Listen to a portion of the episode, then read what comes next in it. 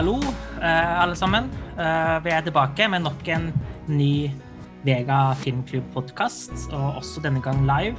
Det blir vel vår tredje live og femte episode generelt.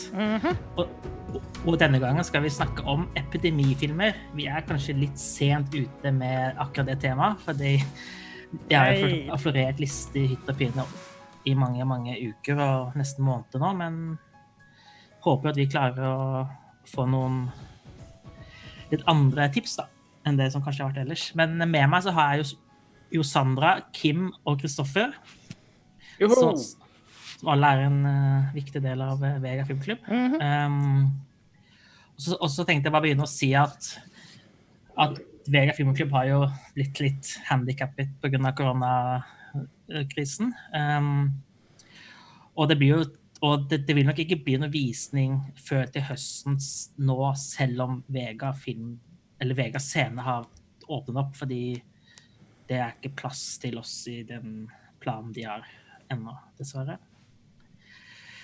Men vi kommer jo tilbake eh, neste år, og vi håper jo å kunne Kanskje over sommeren òg, da. Vi Behøver ikke å vente til neste år.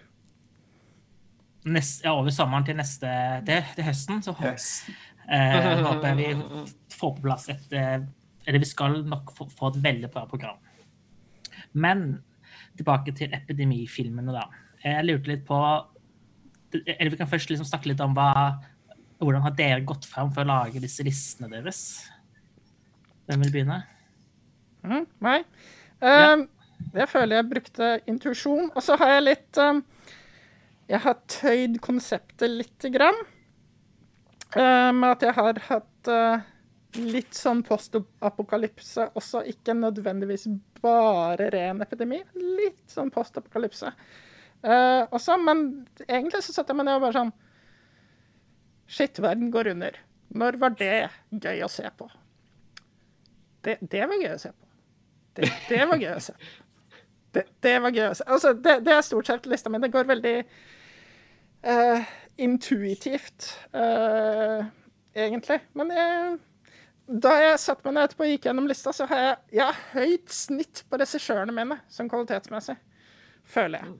Så Ja, nei, det blir spennende. Dere andre? Uh, jeg, jeg har gått litt uh, samme approach egentlig som Sandra. Litt intuisjon. Så har jeg på en måte Jeg må innrømme at jeg, jeg har på en måte, sett, på en måte satt meg opp på en del sånne lister som har kommet ut i kjølvannet av dette her greiene. Og begynt å liksom se litt filmer som jeg ikke hadde sett før, og kanskje noen jeg har sett for eh, veldig lenge siden. Og eh, ut fra det har kommet meg fram til en sånn høvelig grei liste. Så jeg har hatt ett lite eh, noe, Eller et lite grei i bakhodet. Det er at eh, kanskje jeg har satt sammen en liste som jeg føler kan komplementere da eventuelle andre lister. Fordi det er jo veldig mange filmer som går igjen i, oppi her. Og så har jeg prøvd å velge da, filmer som kanskje er litt på siden av det mainstream, og som jeg syns er verdt å se. da. Yes. Jeg har uh, egentlig bare ja, sittet og, og lagd en ganske lang liste, og så prøvd å, å se hvilke jeg føler må være med. Og så har jeg endret kriteriene etter hvert, Mm. og så har jeg endret de igjen. Uh, ja, det er veldig, veldig vanskelig å, å lage en sånn liste. Bare så alle vet det, vi vet ikke hverandres lister. Så når eh, noen Når forteller om en film, så må alle bare sånn så ekte. mi, også, også på, på min liste. Vi krysser av den på min liste også. Uh, nei, jeg har jo gått ja, litt sånn som besagt, Jeg har jo veldig gått veldig ikke, ikke veldig inn, men sånn Jeg har prøvd å ta filmer som kanskje ikke alltid blir nevnt, eller glemt, eller Bare for å ha litt, litt bedre utvalg av hva som blir nevnt her. Men også har jeg, men jeg har også gått for litt sånn tema, så hver plass er liksom sin egen nisje innenfor sjangeren, kan man si. Mm. Innenfor epidemi og apokalypsen som ofte medfølger etter en epidemi. Så, det, så jeg har litt forskjellige typer fi- filmer. Fra litt sånn ja, realistisk til Yeah. ikke realistisk. Men, um, men ja, jeg kan jo begynne, jeg. Ehm, Bare hoppe rett inn i det, altså. jeg bare hopper rett inn i det. Vi, vi må komme oss gjennom der. Ehm, min, min første film er jo kanskje Den er jo uh, postapokalyptisk. Den er etter, etter en stor epidemi, og også, den er ganske lik eller Den er veldig sånn mye sosial distanse der, det er mye munnbind. Um, og en film som blir nevnt av og til, men som jeg ikke nødvendigvis ser så ofte, men det er, som, som egentlig er litt kul, det er Carriers med Chris Pine og, og Emily Wander Kamp, Kamp eh, og um, Hva var det de het igjen, da? Chris Pine, Emily Van Camp, Christopher Maloney, Keenan Shipka i hennes tidligere roller. Som er jo liksom veldig sånn bare noen som skal overleve etter at ting går til helvete. Og det å møte et annet menneske kan bety døden, fordi det smitter over pust. Så de går jo med munnbind, og det er veldig sånn likt, egentlig. Ja. Så de Men er, veldig er, det en, er det en sånn pandemigreie, eller er det sånn zombie... Nei, en pandemi det er etter en epidemi hvor, altså hvor mange er døde, og, og de som er smitta, de smitter veldig, så man Mm. dør så fort man blir Så, så de har liksom Man har regler for å passe på at de liksom ikke blir Og det er liksom eh, Det er veldig lite infrastruktur i, i om igjen da byen er forlatt og um, Men er liksom den er ganske mørk, og den har litt veldig sånn dyster stemning. Chris Pine er jo egentlig en veldig god skuespiller når man for han er jo egentlig en veldig sånn god karakterskuespiller, i hvert fall nå i altså han, altså han er blitt det, og han har alltid vært det, men han har liksom blitt litt sånn dytta inn i den derre hunky leading man-typen. Mm. Men, men her så er det Det var gøy å se hvor, altså hvordan det kunne blitt da i verden her hvis det hadde virkelig blitt en masseutsettelse og folk som liksom Det er liksom kristne på radioen som mener at den sykdommen var altså er liksom, De som er smitta, er liksom straffet av Gud, og de som ikke er smitta, er de utvalgte. og Det er veldig mye og det er også, fordi Plottet er veldig sånn Det er en gjeng som, som, som reiser rundt, og så møter de en familie, en far og en datter, og så, og så har datteren smitta. Og så ender det opp med at de hjelper dem med å kjøre et sted, men liksom de putter dem i baksetet og tar masse teip foran baksetet som de ikke kommer gjennom. Men så, ender, men så blir hun ene i den gjengen smitta, og det liksom skaper en sånn og rammeeffekt av veldig Mm. mye dystert som skjer. Mm. Så jeg vet ikke om noen av dere har sett den, men Jeg leste lest det var, den, det var en av de som dukket opp da når jeg gjorde et litt sånn søk da, Mm. på den type film. Men jeg har ikke fått sett den, dessverre. Den er for Jeg husker jeg så den for lenge siden, og jeg mente jeg likte den ganske godt. Den, for den er liksom mye mer dyster enn en sånn vanlig sånn altså, altså Et annet eksempel på noe lignende er jo nesten den der eh, remaken av Crazies, eller Crazies, Ja, ja, nettopp. som er med, med sånn Hollywood Timothy Olyphant-action.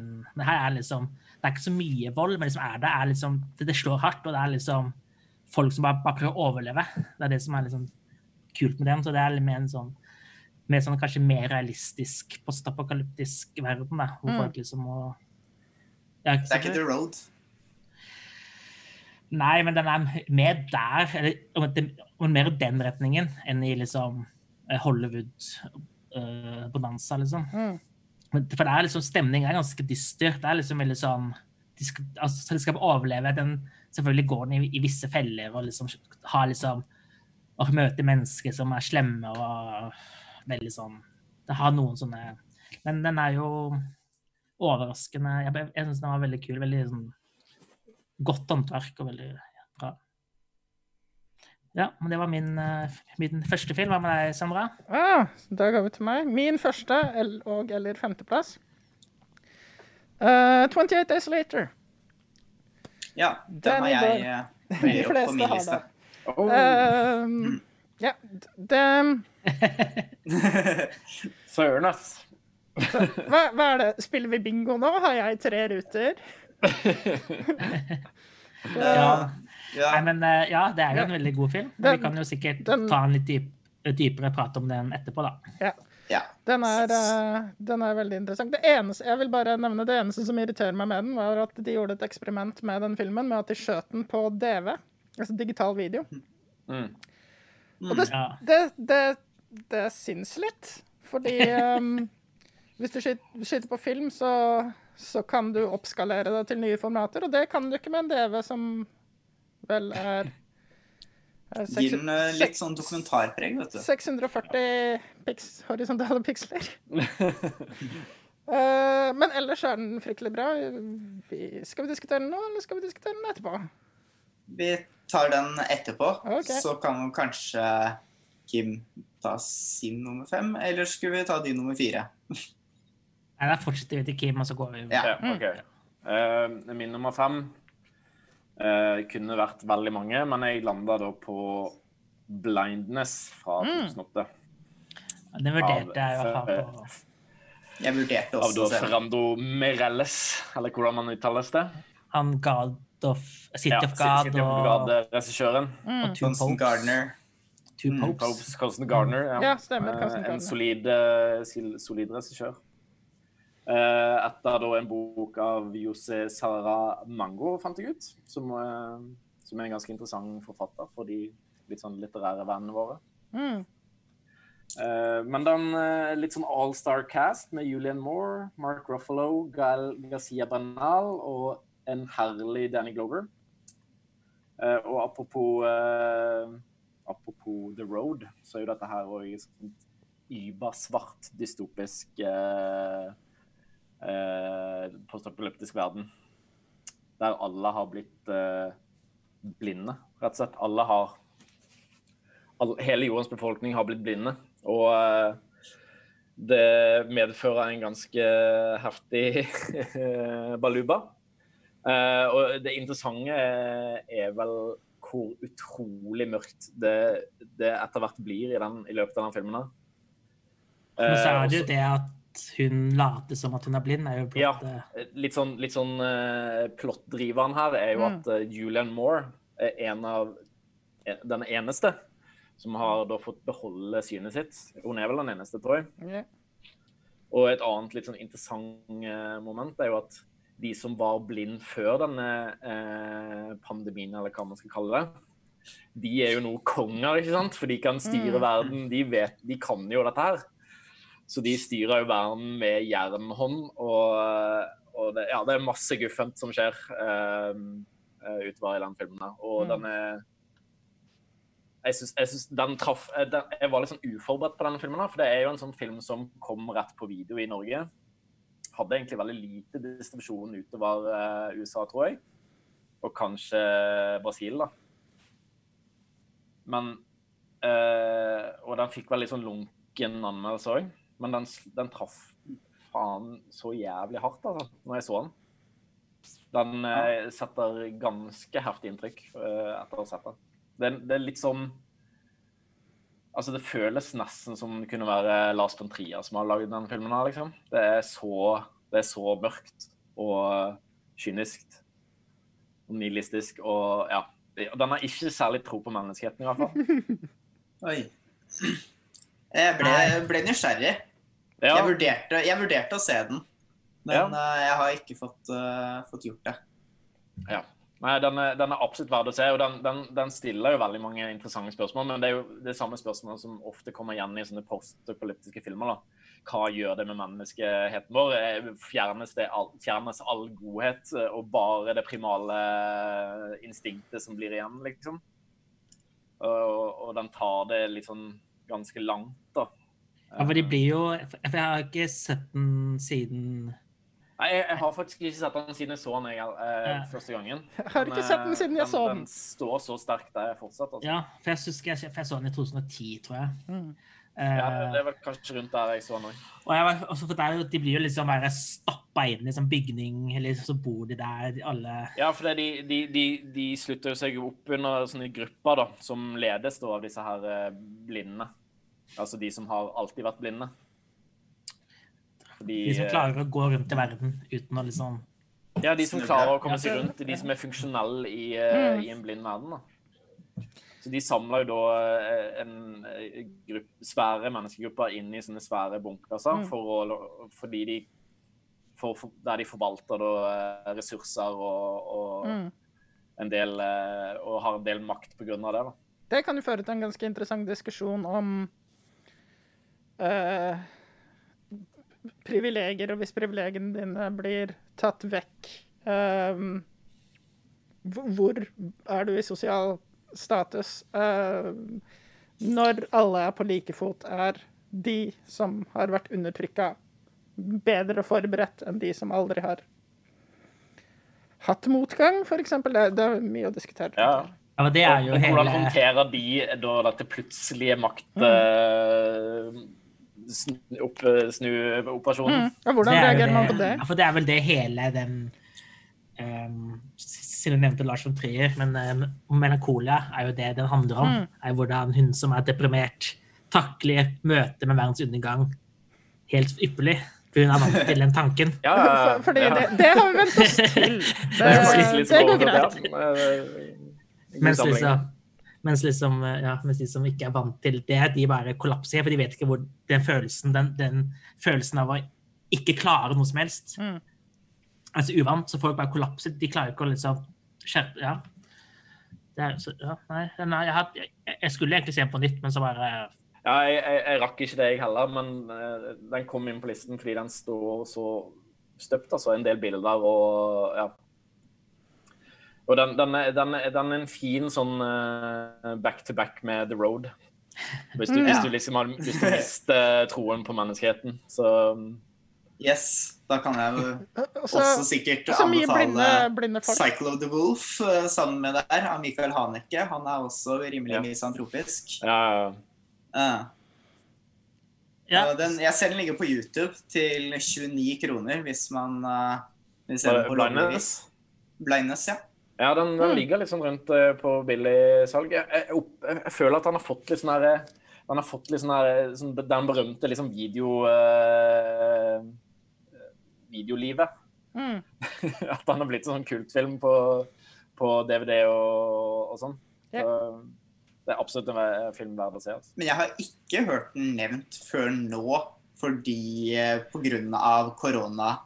Ja, det er jo Man strekker jo kanskje denne litt sånn pandemistrikken her litt, da. For det, det, det er vel aldri snakk om eh, Uh, noe sykdom. Det er, bare, det er bare det at det er litt sånn eh, Det er bare, det er bare noe som plutselig skjer. Mm. Uforklarlig. Jo, men det- man kan jo Det er jo Altså Det er, Ja da. men det er jo ikke noe som smitter. Ikke altså, sant? Altså, det er jo bare noe som skjer med alle sånne guddommelige greier. ikke sant? Mm. Det er jo vi, vi, vi er litt på siden av pandemisjangeren her. Mm. Det blir beskrevet som en Jeg, jeg tror jeg er mer på siden av pandemisjangeren seinere, så det, det går bra. Jeg kan alltid argumentere for det, men de er, det er litt løse argumenter jeg har når vi kommer litt Ja. lenger på lista mi. Det, det kommer vel eh, flere ting her på listen min i hvert fall, som kan diskuteres. Skal vi gå videre til Kristoffer? Uh, yes, jeg valgte å sette som min nummer fem uh, en film som er uh, veldig annerledes i tone i forhold til de andre filmene på lista mi, eh, nemlig 'Doomsday' fra 2008. Mm. Eh, yes, det er en eh, underholdende postapokalyptisk, eh, litt sånn Mad Max-aktig film.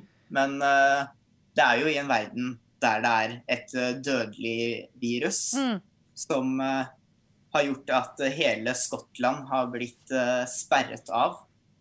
Så, så Skottland utvikler sitt Mad Max-samfunn med tøffe punkere på motorsykler som spiser menneskekjøtt, og Malcolm McDowell som ja, herre over et riddersamfunn. Mens eh, eh, ja, eh, England har klart å leve utenfor dette viruset i, i, i lengre tid. Helt til det plutselig dukker opp igjen i London. Og Mm. da sender de da noen sånne elitestyrker inn i Skottland. Mm. Jeg har ikke sett filmen siden den gikk på kino. Gjenganger, det. Eh, Men jeg bare husker at den er utrolig uh, underholdende. Uh, og ja. Det- Den, Den den, den, for, regissert- fortjener å, å nevnes. Mm. Den Den er er regissert av Neil Marshall. Ja, det er Ja, han som Neil lagde Dog Soldiers i sin tid. Uh, Ja. Han lagde vel også The Descent, sant? Og The Descent, ja. Ja, stemmer det. Og, Og, Hell, og eh, Hellboy. Den nye Ja, Hellboy. den ja, nyeste oi, Hellboy, ja. Og han lagde vel Mm. eh, en del episoder i den siste sesongen av Game of Thrones. Han så har, sånn. nei, ikke den siste, men han har lagd noen av de store kampepisodene i tidligere sesonger. Ja, okay. ok.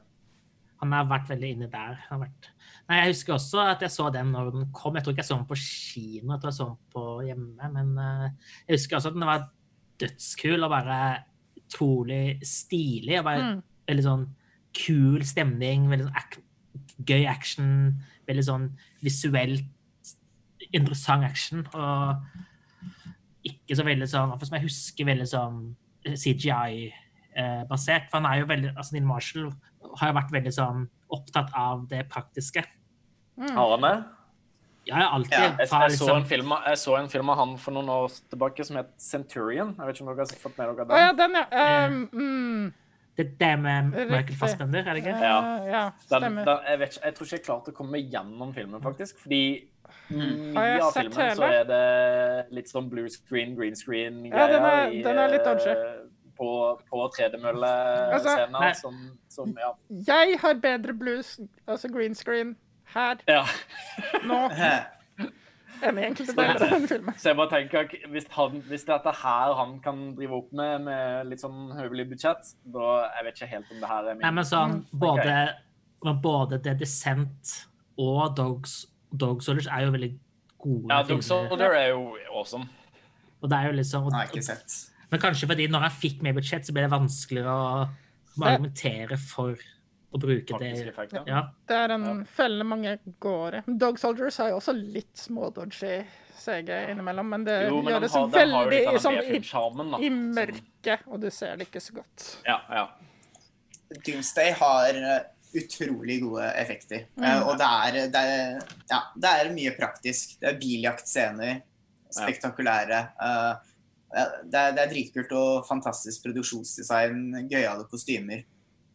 Eh, men eh, ja, jeg tror ikke man lærer så mye om, eh, om hvordan menneskeheten håndterer pandemier og sånn. Det er jo den klassiske liksom militaristiske responsen med at et helt land blir hermetisk lukket og, og, ender opp som brutale stammesamfunn. Eh, og så ser man da den der eh, brutale responsen dukke opp igjen når eh, når eh, eh, Ja, når det dukker opp i, i London. Eh, Mm. og jeg husker også at en av rollene i filmen Nå husker jeg ikke navnet på skuespilleren. eh, men det er han, han spilte i The Departed. Han som har veldig sånn der hes stemme. Skotte. Eh, Ja. Ja. Han som, Det er ikke Cole Meany? Eh, det gjorde han sikkert. Ja, Eh, er, er det Cole Meany? Kan det være Cole Ja. Meany? Ja. Jeg vet ikke hva han heter, jeg heller. Men han, han er en sånn fyr han, Det er han i Braveheart for meg. ja, han, eh, han har en Nei, altså Er det Er det han? Jeg vet ikke, han har veldig sånn derre Sånn stemme som høres ut som en eh, kjederøyka siden han var Mm. OK. Ja, det, Mm. Nei, jeg tror ikke det. er- Nei, det er ikke han med arret der. Nei. Mm. Eh, Det er en annen. Er det Sean Petry? Pert Pertwee? Er det Det Samme det, det, er- være vi kommer ikke fram til Men nei, Nei, det nei, er ikke så farlig. ja, det er jo en veldig sånn Det er kanskje en av de mest Eller sånn hyper hyperstiliserte postapokalyptiske filmene som, er, som finnes der ute. Liksom. Litt sånn, det er på en måte Det er nesten eh, OK, jeg skulle si, si Mad Max bare mer, men det, det kan vi ikke si etter Mad Max Fury Ikke Road. etter Fury Road. Nei. Men eh, det er overraskende at eh, ikke nok Altså, folk burde, Når Fury Road kom ut, så burde folk vært flinkere til å si Se Doomsday også, fordi de er eh, De passer Ja. godt sammen. er han like på en måte heseblesende som uh, Fury Road? I andre halvdel uh, Ja. så er den absolutt uh, det. Det måte Den, den, må jo pres, de, må jo presentere oss til universet og sånn. Så, eh, og, og man har liksom en, en prolog med liksom da eh, ja, da pandemien brøt ut eh, og sånn. Men ja, etter at de møter liksom det jeg bare kan kalle eh, Cannibal prodigy, eh, så, så blir det bare non stop eh, action-underholdning. Eh, det er jo litt sånn eh, Escape from New York-type stemning, hvor det er en dame som skal inn og hente Ja. noe ja. inn i ja. her Skottland da, og hente, liksom, og så komme seg ut igjen. Ja. Som er, så det blir, og, og det er vel når de virkelig går inn i den Der hvor det begynner å ta seg opp. Eller, eller Er det bare jeg som ikke har sett den, eller? Ja, Har du sett den sammen? Ja, jeg har sett den, men det er lenge siden. Ja. Ah, shit. Det, det, jeg får lyst til å se den med en gang, Den, egentlig. den er ganske kul. Jeg er kanskje ikke like begeistra som de to andre er, men det er fortsatt ganske kul. altså, jeg, altså, jeg har jo ikke sett den siden Det må jo ha vært ja, Jeg så den på kino i 2008. Mm. Uh, så Og den står seg. ja. Mm. Iallfall Men, i mitt minne. Da går vi videre, tilbake til meg. Yeah. Og jeg vil- ikke kalle det fjerdeplass, for jeg har ikke egentlig delte filmene på den måten, men min andre film, da, fjerde, altså, ja, det er kanskje den mest normale av filmene, jeg ikke hva jeg skal si, men det er kanskje den filmen som, sånn som andre også har, og det er jo selvfølgelig Contagion. Yes, jeg har den. Jepp. Jeg har den også på min fjerdeplass, faktisk, så den hadde kommet så rett etterpå nå. Så vi kan godt Den er, på, den. er også på min fjerdeplass. Ja. okay, Greit, da er vi veldig enige om det. Ja, Ja. da tar vi bare den nå. Ja, Eh, nei, fordi det er veldig sånn Jeg tenkte sånn, åh, Den er jo veldig typisk Eller ikke typisk, men eller den er typisk i, i, i valg i, på sånne her type lister. ja, men det er fordi Men- den er den filmen som ligger nærmest det vi er oppi, Ja, for- på en måte. Den, den har en veldig realistisk i gåseøyne fremstilling av hvordan et virus på den måten sprer seg. Eh, så Ja. derfor ble det bare sånn Shit, har de allerede filmatisert? Visste de om det? Konspirasjonssted. Konspirasjonsteori. Jeg Jeg så, jo det det, jeg så jo den nå nylig, og det, det, det Ja, absolutt. Mm. Du får litt den der eh, déjà vu-opplegget, liksom. Jeg så den vel i fjor eller forrige fjor. og Jeg husker bare jeg ble så utrolig overrasket over hvor bra den egentlig var. Bare, det er jo det, det er liksom det Altså når Sodenberg er på sitt beste, og karakter alt, altså Mye, men alt går liksom sammen, og ting, ting liksom har fun fungerer som man vil, og det bare Selv om det ikke er, er så mye action, eller det er ikke så mye action, men bare utviklingen av historien er bare så utrolig lett å se på. Som Mm. er liksom det som er egentlig magisk når, når Steven Sodenberg virkelig spiller på alle sy- sy- sylindere. Så bare, selv om temaet er dystert som F, så bare de, filmer flyr av gårde. Selv om den er lang. Og, og så er det bare gøy hvordan han liksom og- og for, for det er gøy å se en Hollywood-film hvor de faktisk dreper uh, Gwyneth Paltrow tidlig i filmen. Som er Ja, en nei, er men- noe Ja, men det er litt uh, den Ja, det er til og med Mm. Se vår store stjerne! Ti minutter, og så er vi, og så er vi ferdige, på en måte. Det er ganske mange store stjerner Ja, er i, i den er det og, og, og hun er ikke den eneste av de som dør. Nei, det er ganske mange som stryker med. Men det er Steven Soderberg lager film med vennene sine, har vi jo vært borti før, og da får du mye store stjerner i en egentlig relativt liten film. Ja, han, altså, han får alle han vil ha, hvis han vil. Han er jo Noen som har sett Full Frontal? Det er hvert Det, ja, Det er bare. Steven Soderberg lager film med vennene sine. ja. Det, er, er, det den med, er det den med han David Duchovny? Som gjør en liten cameo? Ja, det kan godt være. Det er Julia Roberts spiller hovedrollen. Ja. Det er lenge siden jeg har sett den. Den så jeg på VHS, faktisk. Så lenge siden er det. Så ja, nei, så det er jo bare På, på min liste så er det her den så er det den plassen som er realistisk epidemi. Mm. Eh, Åssen det kunne foregått, og hva som hadde skjedd i verden, og karakterer og Men det er en av de beste versjonene av det. Det som er Det er ikke så mange den type filmer, egentlig, syns jeg. Eller som jeg jeg har funnet. Det som er litt spesielt altså Grunnen til at man ikke lager så mange den type filmer, er at den passer dårlig inn i standard dramaturgi, for du har på en måte ingen helt, og du har på en måte ingen skurk. Det er bare en sånn usynlig ting som kan drepe alle. Og det som redder oss, er internasjonalt samarbeid over tid. Mm. Eh, og det Det er jo passer, også det utrolig passer, gøy å se på. ja, ja, men det, det passer ganske dårlig inn i liksom Joseph Campbell, uh, monomyten eh, Alt det der som basically alt er basert på.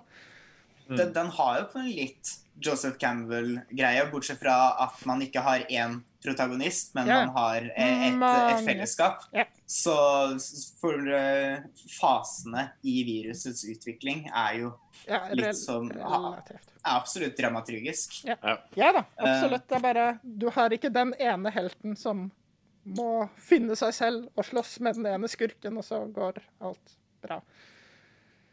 Eh, Nei, og der, Derfor er det litt vanskelig å selge til selskaper og sånne ting. Men, bare sånn, men hvem er helten? Um, Ja.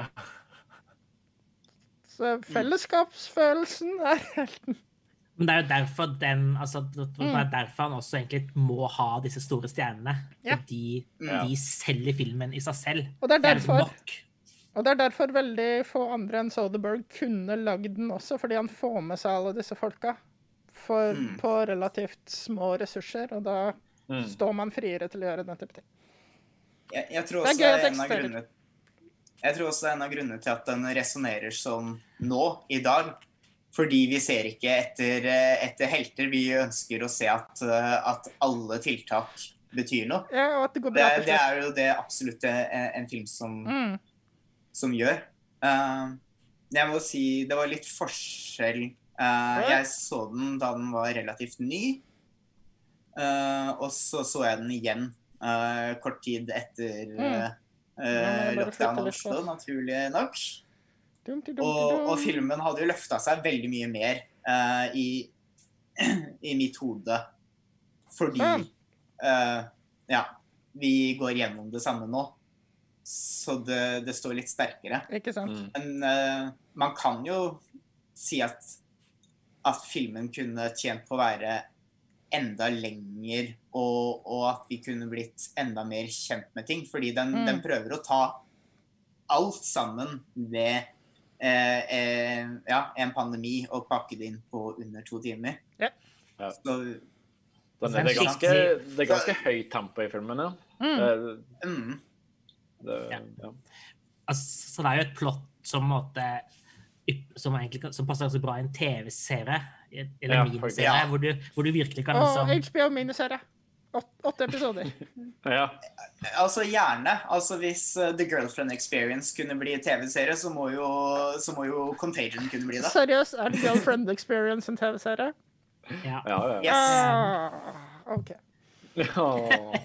Ja. Det, det er jo faktisk med hun, eh, hun Elvis-nevøen, holdt jeg på å si. Eller, uh, Riley Keough. ja. Ja, Riley Keough. Mm. Okay. Ja.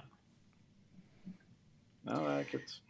Nei, så Nei, det er en veldig bra film. Den er veldig noe- god. Er det en... Vel, veldig, veldig aktuell akkurat nå. Ja.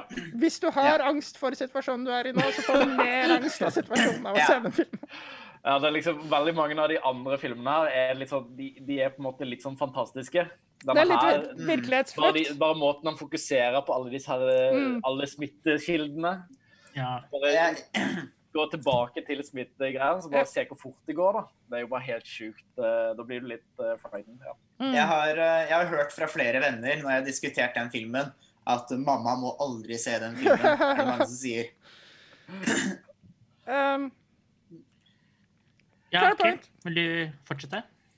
Er, vi, er vi ferdig med Contagion? Hvis ikke det har noe- eh, Ja, det var tre av firerne, Eh, så da Ja. så den, den den er- leder enn så lenge. Er det, er det sånn det fungerer? Hæ?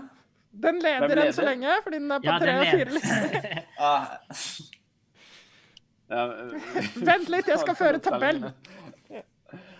Uh, um, ja, men OK mm, Vi har jo egentlig ikke snakket så Nei, jeg tenkte- mye om uh, Contagion. Vi har ikke nevnt sånn Jude Law, er vi har ikke nevnt Kate Winslet.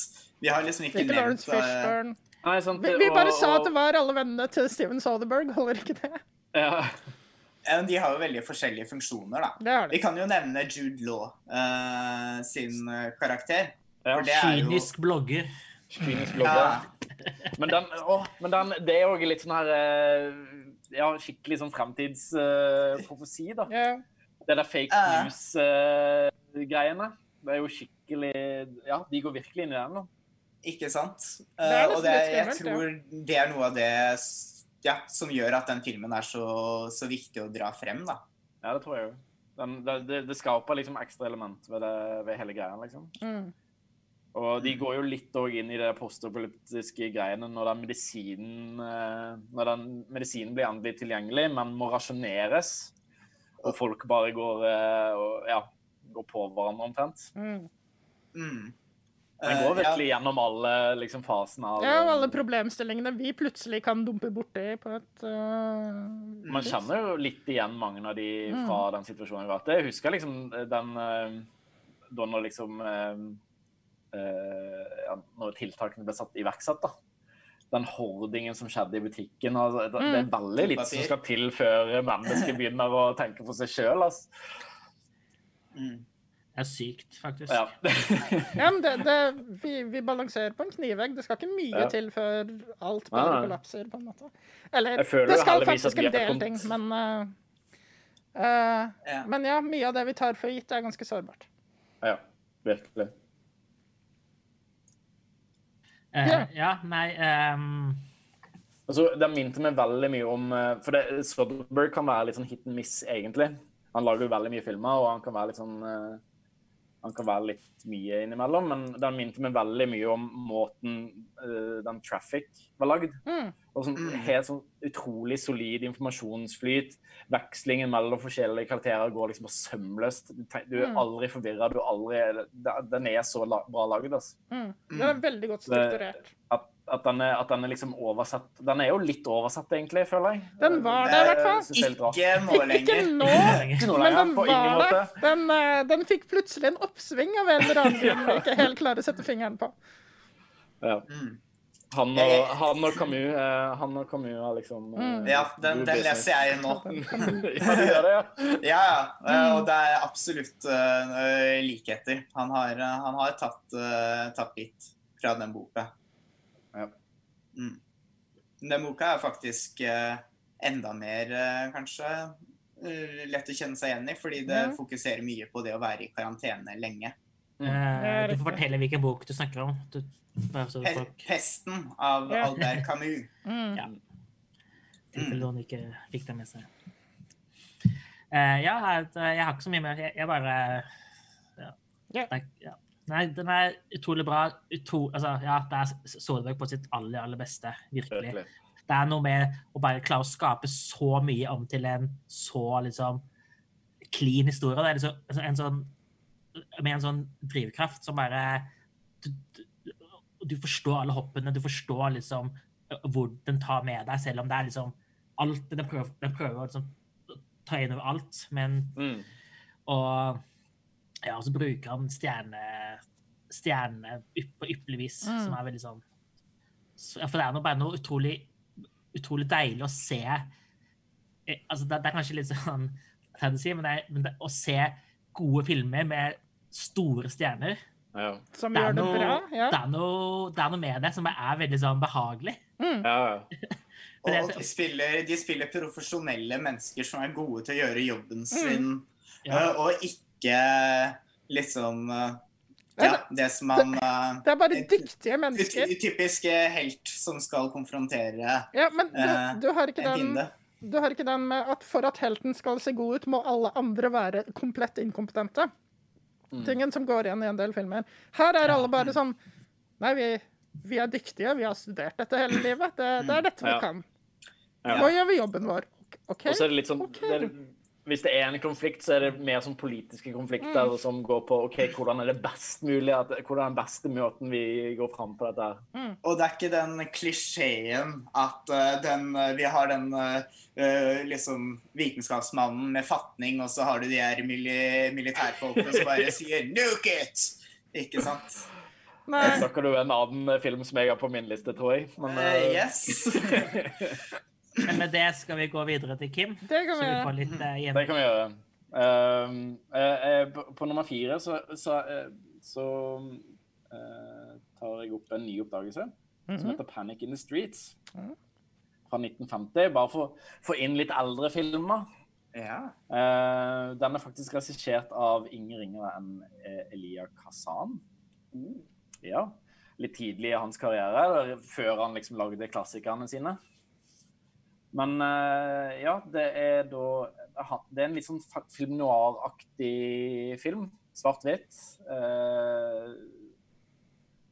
eh, I New Orleans så, da, så blir det oppdaget et, et utslag av pest, faktisk, i et lik som dukker opp i et fiskegarn. Um, og legen, som er spilt av Richard Widmark, en litt sånn kjenning for de som er kjent med filmer fra 50- og 40-tallet. Men han, han, eh, han finner da ut at, at uh, dette liket har pest, og så må han uh, Og dette liket har jo dette, dette like har blitt uh, skutt og drept. Så de må prøve å finne ut hvem som har skutt og drept denne mannen. For de mest sannsynlig har pestsmitten, de òg. Og de må finne da, denne skurken innen 48 timer før, før liksom, smitten har spredd seg altfor mye, sånn at de ikke kan kontrollere dette her eh, på en sunn måte. da. Så filmen handler egentlig bare om eh, de går gjennom gatene i New Orleans og prøver å finne fram til da, morderen, som er da en sånn lokal gangster. Spilt av Jack Palance, for de som Oh! Så, det, men det er, jo, det er jo Elia Kazan som har regissert her, og den har liksom veldig for, for en film av den tiden så tar han en veldig sånn fin menneskelig approach til det hele. Han, legen blir stilt for litt sånn han, han, han blir jo tvunget til å ta litt sånn harde valg, eh, og kanskje tråkke på noen tær i mellomtiden. og i New Orleans er det veldig sånn frakt eh, for eh, autoriteter, og de må, liksom, de må liksom balansere denne her kunsten hele veien. da. Mm. Og han eh, legen er liksom midt oppi dette her og, og må prøve han, han vil jo bare prøve å finne denne her eh, gjerningsmannen for å liksom hindre den store epidemien som han eh, som han da som, som kan skje, da. Så eh, ja. Veldig sånn nedpå menneskelig film noir-versjon av eh, en, en pandemifilm. Eller epidemifilm. Men er det, er det panikk eh, i, i filmen? Er det sånn at media Er det panikk i gatene? eh, er, Ja. Uh, media eh, plukker opp noe om, eh, om uh, pesten? Eh, ja, de har, de har jo en journalist inne, inne i bildet her som, som snuser liksom på denne etterforskningen. Fordi etterforskningen blir veldig rar etter hvert. De, de må jo liksom de tar inn alle forbrytere i hele byen ikke sant? og gjør sånne intervjuer og tester med dem. Og så, blir, så snuser selvfølgelig media opp på dette. Mm. Men han legen eh, gjør da et stort poeng av at media må ikke få vite dette, her, for da får vi panikk, og folk vil reise ut av byen, og smitten vil spre seg enda verre. ikke sant? Mm. Så de, de går jo så langt å liksom sende en journalist i, i fengsel for å hindre dette her uh, opplegget. Og det blir sånn litt sånn politisk debatt i, oppe i greien. Liksom, OK, du kan ikke gjøre det mot en journalist, men, men hva skal vi gjøre da? Vi må, vi må få tatt dette viruset her, ellers så, ellers så er vi liksom dødsdømt. Og er hele Mm. landet smitta på under en uke, liksom. Så ja. Den, den, er, den er overraskende nyansert, da. Wow. Nice. Mm. Bra. Jeg ble veldig nysgjerrig. Det gjorde Bra. jeg også. Ja, jeg også. Jeg har ikke sett den. eh, Eli Kas- Jeg har egentlig sett veldig lite Erik Hassan, så det er jo Vi kan jo nevne at han- er jo da regissøren bak filmer som eh, On the Waterfront med Marlon Brando og Streetcar Named Desire, East of Eden. Ja, ganske sånne store filmer fra den tiden. der.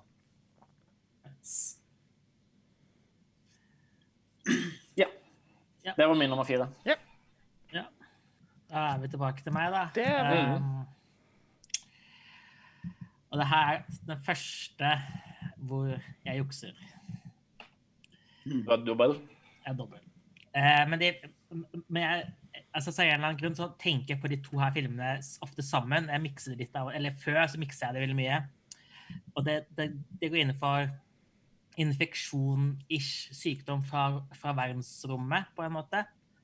Eh, og det er splinter og slipper. OK.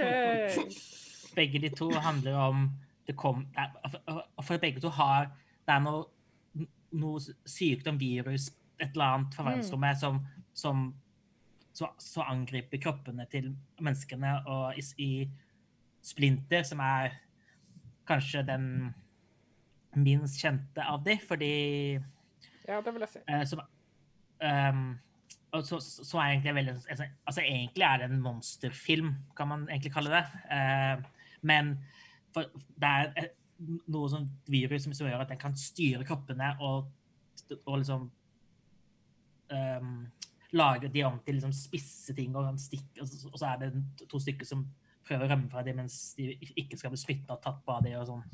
Veldig sånn artig, blodig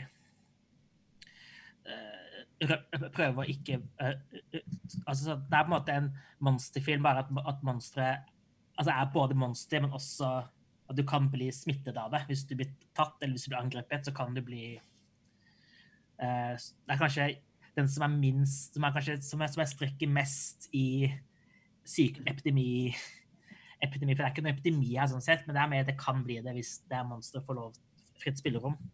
Mens- Litt som The Thing. ja, på en måte. Um, ikke helt, men jeg skjønner hva du ja, på en måte, men ikke helt.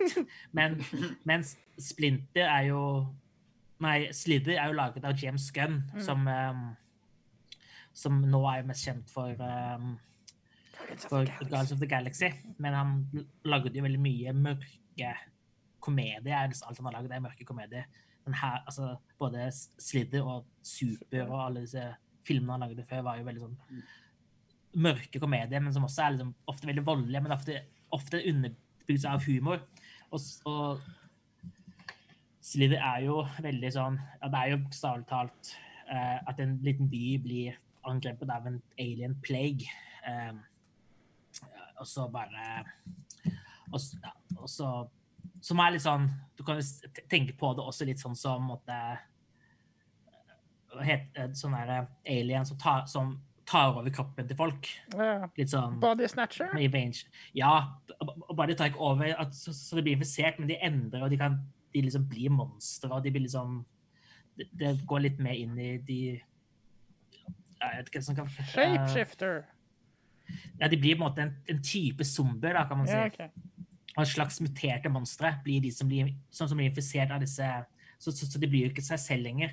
Nei. De blir jo Det er litt måte som Body Snatcher. Body Snatchers. eh, Ja, som vi, ja. Um, og, så- og, så, og, så må, og, så er det noen, og så er politimannen, det er vel Nathan Fillion som spiller um, Ja. politimannen som, som prøver å liksom skj- Skjønner ikke helt hva som skjer, og prøver å finne ut hva som er greia. Og, og så er det veldig sånn ja, Elizabeth Banks og Michael Rooker er jo en av disse, som blir veldig Michael Rooker blir veldig sånn Altså en av de onde. Han er alltid ond i filmene sine, føler jeg, men um, hva, hva tenker du på, Sandra? Jeg bare prøver å tenke på en film der Michael Rocker ikke er ond. Han blir jo, han blir jo snill i Guardians of the Galaxy 2, da. Det er Ja, Mm. an- Antihelt gjelder antihelt, så kan vi ta Guardians 2. Det skal jeg være med på. Han, han har noe Men, sympati eh, der, men Men, de, nei, men disse filmene er bare Jeg synes de er bare, Det er bare sånn gøy å se på. Det er blodig, og det er liksom Det er effekter som er som Føles ekle og føles Mm. godt. Og, og så, så liksom Det er bare en unnskyldning for å kunne, for å kunne nevne dem. For det er liksom For det er i hvert fall i hvert fall Slither er jo et, en sykdom eller virus som angriper menneskene som, Mm. gjør dem til, mens Splinter er litt ish det samme. Det, det blir beskrevet som en, en sykdom i plottet, men Men, men eh, sant, eh, Splitter er litt mer sånn splatter-komediesak, men Splinter er nei Slither er mer komedie. Altså, å kalle Splatter det er jo på en måte en skrekkfilm, men Det er en jo bare morsom noe med-. Det er bare at James Gunn har jo alltid, føler jeg i hvert fall, en sånn Altså, mannen lærte jo å lage film i Trauma, så Ja. ah, Gjorde han det? Ja, så da, er da, da, da får du en, en viss feeling for hvor teit du kan være, samtidig som du er ekkel, på et vis. Ja. Mens uh, Splinter er jo mer Det er færre karakterer, egentlig. Det er færre locationer. Det er veldig sånn er Litt av B-film. er- er veldig mye mer minimalistisk, men de to filmene har alltid vært liksom, Jeg har alltid liksom blanda de litt, fordi, for jeg tror jeg så det rundt likt. Mm. Altså, det var litt så, og de har liksom nesten samme navn. Jeg bare, så bare, jeg måtte bare ha, ha de sammen. Ja, vi tar dem som, sammen. som Mm. alien som angriper mennesker og gjør dem om til monstre. Det er jo det det er. Så, Ja. så, så er jeg på en måte en slags zombie zombie um, Det er, men det det er, er det er på en måte en helt vilt uh, spesifikk tematisk overgang til min tredjeplass. Mm. Ja. Uh, som er uh, The World's End. Av Edgar Ah. Wright. Den, den tredje i Cornetto-trilogien, og den som ingen prater om av en eller annen grunn. For jeg syns den er superinteressant. De, den er ikke så bra. Den er Jeg liker den, jeg liker den veldig godt. Jeg, jeg, jeg, jeg Men er ikke det bare Men, er det epidemi? Er ikke det Ja, det er sånn body snatcher. det, er jo litt ja, samme- ja, det, det er det er men det er også, også den verste epidemien av den alle. Alkoholisme. Ja. ja, for, jeg, Mm. for jeg tenkte på Fordi Ikke den, da, men jeg tenkte jo på sånn, Body Snatchers. Ja, men- Men, det er på en måte Jeg vet ikke. jeg bare, I i hodet mitt så var det forskjell mellom at det- du- i noe alien da bare bruker kroppen din, Mm. og, og når det blir infisert for å endre seg. Det er på en måte oh, oh, nei, det, det som infiserer dette lokalsamfunnet i The World Cent, er jo konformitet. Ja, ja, det er sant. Det er sant. Godt poeng. ikke sant? Ja, nei, altså, kort fortalt så handler jo den, for de som ikke har sett den, så handler jo den om uh, eh, seks skolekamerater som blir tvunget av en av dem til å dra tilbake til byen de kommer fra, for å fullføre en pubcrawl. Um, som de ikke klarte da de var eh, unge. De skal innom Det er tolv barer. sant? Jeg husker ikke alle. Den siste baren, baren heter The World's End og er har et litt treffende navn, kanskje sånn i overkant, i forhold til det som er uh, trygt. Uh, men filmen handler jo egentlig ikke om det. Filmen handler jo uh, om at den byen de kommer fra, er akkurat lik som den alltid har vært. Bortsett fra at alle er uh, Nesten alle innbyggerne er bytta ut med romvesen-robotkopier. For å videreføre konformiteten til et sånt der internasjonalt romvesenkonglomerat som bare høster ressurser og gjør alle fornøyde ved å være en del av konformiteten. Eh, og det, det, det, filmen har så mange lag, og hvis vi, skal, vi, vi spoiler ting helt sånn Ja, vi gjør jo det. Vi har gjort det, gjort det til nå. Uh, The World's End er, eh, er slutten på filmen. De, de sier bare sånn Nei, vi vil ikke være en del av dette systemet. Og da er det bare sånn OK, greit, da lar vi dere være. Og så går verden under, og så får det mer eller mindre sånn Mad Max-ish uh, postapokalyptisk uh, samfunn. Jeg, jeg liker den veldig godt. Hvis jeg skulle liksom rangere Cornetto-trilogien, så hadde det vært Shaun of Dead, World's End, Hot Fuzz, sannsynligvis. Selv om jeg også er veldig glad i Hot Fuzz. Um, den, den er litt sånn undervurdert. og det er sånn, Hvis du ser den flere ganger, så plukker du opp sånne småting. Den, den er, som alle Edgar Wright-filmer, superfull av detaljer hele tiden. Hvert eneste bilde er fullt av absolutt referanser og henvisninger og planting og frampek og alt mulig ting. Uh, og dramaturgisk så er det også veldig, veldig mange lag å ta av. Så det, det er en film som blir bedre, holdt på å si, med alderen, eller med repeat viewings, fordi det er den er så tettpakka av ting, samtidig som den virker egentlig litt sånn lettbeint og overfladisk, og så bare sånn er det. Det er en ball av masse ting å bare ta. Jeg kan jo nevne at en av de eh, frampekene iallfall er jo den eh, minnet de har fra den mislykka forsøket på pubcrawlen, er jo eh, en slags mindre versjon av det som skjer i den faktiske filmen. Ja. Så de gjør jo det samme, er de samme stedene. Mm. Og det som skjer, er et ekko av det som skjedde i fylla. Det er bare litt Ja. høyere stakes. Det, Det er gjør også, han jo i, det gjør han jo i andre filmer også. det, det gjør han generelt. Han er en mester til å gjøre akkurat det der. Men altså, Det er også at alle navnene på alle pubene de er innom, eh, forteller hva som kommer til å skje i puben. Som The Hole in the Wall er den som bilen kjører gjennom, eksempel. Altså, det,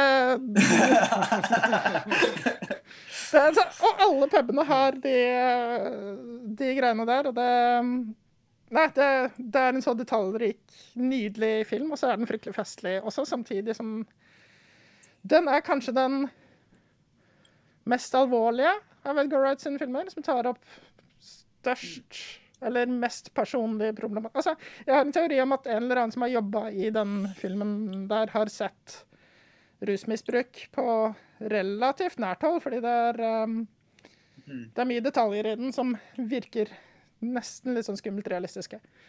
Yes, og en annen ting er jo at uh, folk med uh, svart frakk og Sisters of Mercy-T-skjorte ofte har hengt rundt tunge, tung rus på 80-tallet. Yep. Jeg tror den filmen ja, jeg tror den filmen absolutt er lagd med litt innsikt fra, fra, det der. Ikke tilfeldig. Og måten han uh, behandler Nick Frost, som har uh, da ikke sant uh, slutta og mm. drikker vann i stedet mm. for øl. Jeg tror de får han til å drikke på puben som heter The True Companions. Fordi oh, da, da, er de venner igjen. Det er mørkt. si, si Åh. Mm. Jeg kunne snakka timevis om bare navnene på disse pubene, men det, det, skal vi ikke gjøre, for det har vi ikke tid til. Jeg skal se den igjen. Jeg fikk se, se se ekstra lyst til å se den igjen nå. Mm. Jeg tror den er, den er, vel moden for et gjensyn. Jeg var jo litt skuffet når den kom ut, eh, husker jeg. Ja, men jeg ble også litt sånn skuffa første gangen. Og så mm. ga jeg den en ny sjanse, og så er jeg bare sånn hmm. mm. Og så har jeg sett den flere ganger. Jeg tror den ligger på HBO nå, hvis man eh, har det. Ja. Ah. ja det er jo ja, det er åpenbart eh, moden for et gjensyn. Jeg vet, ja, jeg, jeg vet, ikke hva jeg, mislikte med når den kom. Kanskje det den at den ikke var morsom nok? Den er ikke ja. morsom på samme måten som Shaun of Dead og Hot Fuzz er morsom. Nei, den er ikke like umiddelbart tilgjengelig. Ja, altså Det føles kanskje ikke like lekent Nei, det gjør ikke det. Mm. Og så er det ikke Den er ikke full av popkulturelle referanser. ja. Sånn som de to andre er, er bare popkulturelle referanser. Den her er referanser til andre ting og til seg selv og sånn. Uh, og det, det, er lite sånn Denne tingen, husker du denne tingen? Se, nå gjør vi narr av denne tingen. Uh, det, det, er lite av det. Jeg tror, Metro World's End var på en måte begynnelsen til Edgar Wright på å gå litt vekk fra den komedien mm. han har pleid å lage. Fordi Baby Drive er jo heller ikke nødvendigvis en sånn type film. Eh, og hans neste film skal jo være en, horror, en sånn ren horrorfilm ja, eller noe. Jeg har hørt det. Mm. Så han har, lyst, så han har sagt, sikkert prøvd å gå litt vekk fra og kanskje derfor han prøvde å liksom gjøre noe litt. Selv om han har, han prøver, ja. han har alltid et eller annet sånt. Så han bryter litt med stemninga til de to andre, men um, det, er, det, er, mye å ta her hvis du leiter godt nok. Men ja, og selv om den kanskje ikke var like konstant morsom som resten av Cornetto-trilogien, så var den sikkert den morsomste filmen det året, fordi yes. Den fikk ikke kinodistribusjon ja. i Norge. Jeg var så hissig. Jo, det, jeg så jo. den på Ringen kino. Ja, ja, jeg så den på kino. Da kom den seint, i alle fall, fordi jeg eh, Den Var, var det en sånn derre fangreie med at uh, den Nei, egentlig ikke ble satt opp i kinodistribusjon. Ja, men at den egentlig ikke, at den ikke ble tatt inn, og så masa folk, og så bare sånn OK, vi tar den Ja, det er sant. Det er, jo, jeg tror kanskje det. Det kan være det, fordi jeg, jeg husker jeg bare sånn Nei, den blir ikke tatt inn, vi tar ikke den inn på kino. Og jeg bare sånn Ble veldig hissig. Jeg mener jeg husker noe sånt nå, at det var noe mm. snakk om at plutselig så skulle ikke ta den Ja. ja det var rett eller annet. Ja. Nei, uh, god film. Skal vi gå videre til uh, Kim? Er det meg igjen? Uh, ja. ja det, går, det, går, fort her nå. Uh, nummer tre. Ja, da, da, har jeg litt sånn ukonvensjonelt valg igjen, men Dawn of the Planet of the Apes har jeg satt på den. Mm. Altså, det, nå, nå, ser jeg kanskje trilogien i, i etter, men jeg, jeg tar Dawn som jeg føler er den beste av de tre, da. Uh, ja. Ja. ja. Det, ja, det er vi enig i. jo da, men jeg bare Jeg har blitt litt i nyere tid har jeg blitt litt mer glad i, i Rice. Ja, den, eh, den har ikke jeg sett siden den kom ut, faktisk. Så den, eh, den har vi kanskje moden for gjensyn. Men den, den føltes litt sånn den, Ikke er den litt flat? Men den er jo veldig annerledes enn de to neste, da. Den er jo veldig Den er veldig den er- annerledes enn de to neste. I forhold til Men jeg husker jeg likte For jeg så den på ditt Ja, nå er det noen år siden jeg så den på Den har jo en intimitet, men jeg, jeg følte den, den var litt mer sånn flat og litt mer konvensjonell i, i litt sånn Jo, jeg, jeg syntes det første gang jeg så den, men jeg bare, vet ikke, jeg bare, andre gang jeg så den igjen, så likte jeg den mye bedre. ja. Men det samme som- det, det er ikke det vi Dawn er jo den beste av de. Det jo, ja. For det, det som er så utro, det som gjør Dawn, føler jeg, da, til kanskje en av de beste actionfilmene på det siste tiåret, er jo hvor utrolig godt den klarer å nyansere alle karakterene sin motivasjon for å ta del i filmens univers. da. Så hver karakter har veldig, veldig sånn klar og tydelig motivasjon for det de gjør. Og du kan forstå deres motivasjon. Mm. Og, eh, og, og alle har på en måte rett litt, da. Føler jeg. Mm. Så, og, og det gjør det utrolig spennende, og du, det gjør det uforutsigbart. Du vet liksom ikke helt hva som kommer til å skje, selv om du vet hva som kommer til å skje. Og, og det gjør det bare til en sånn solid uh, underholdning, da. Uh, I tillegg til å lage noen set pieces som er jævlig awesome. Yes. Jeg, vet ikke, jeg, vet ikke om jeg skal gå inn, Den er jo såpass ny, da. Jeg vet ikke om jeg skal gå inn i noen sånn plott-greier, men ehm, Det er jo ikke så mye plott å si, egentlig. Nei, ja, men eh, for å ta, for å ta det i pandemigreiene, det er jo det at nå er vi kommet i en verden der eh, store deler av menneskeheten er dødd ut, så vi er Mm. inne i postapolyptisk verden igjen pga. et virus. da.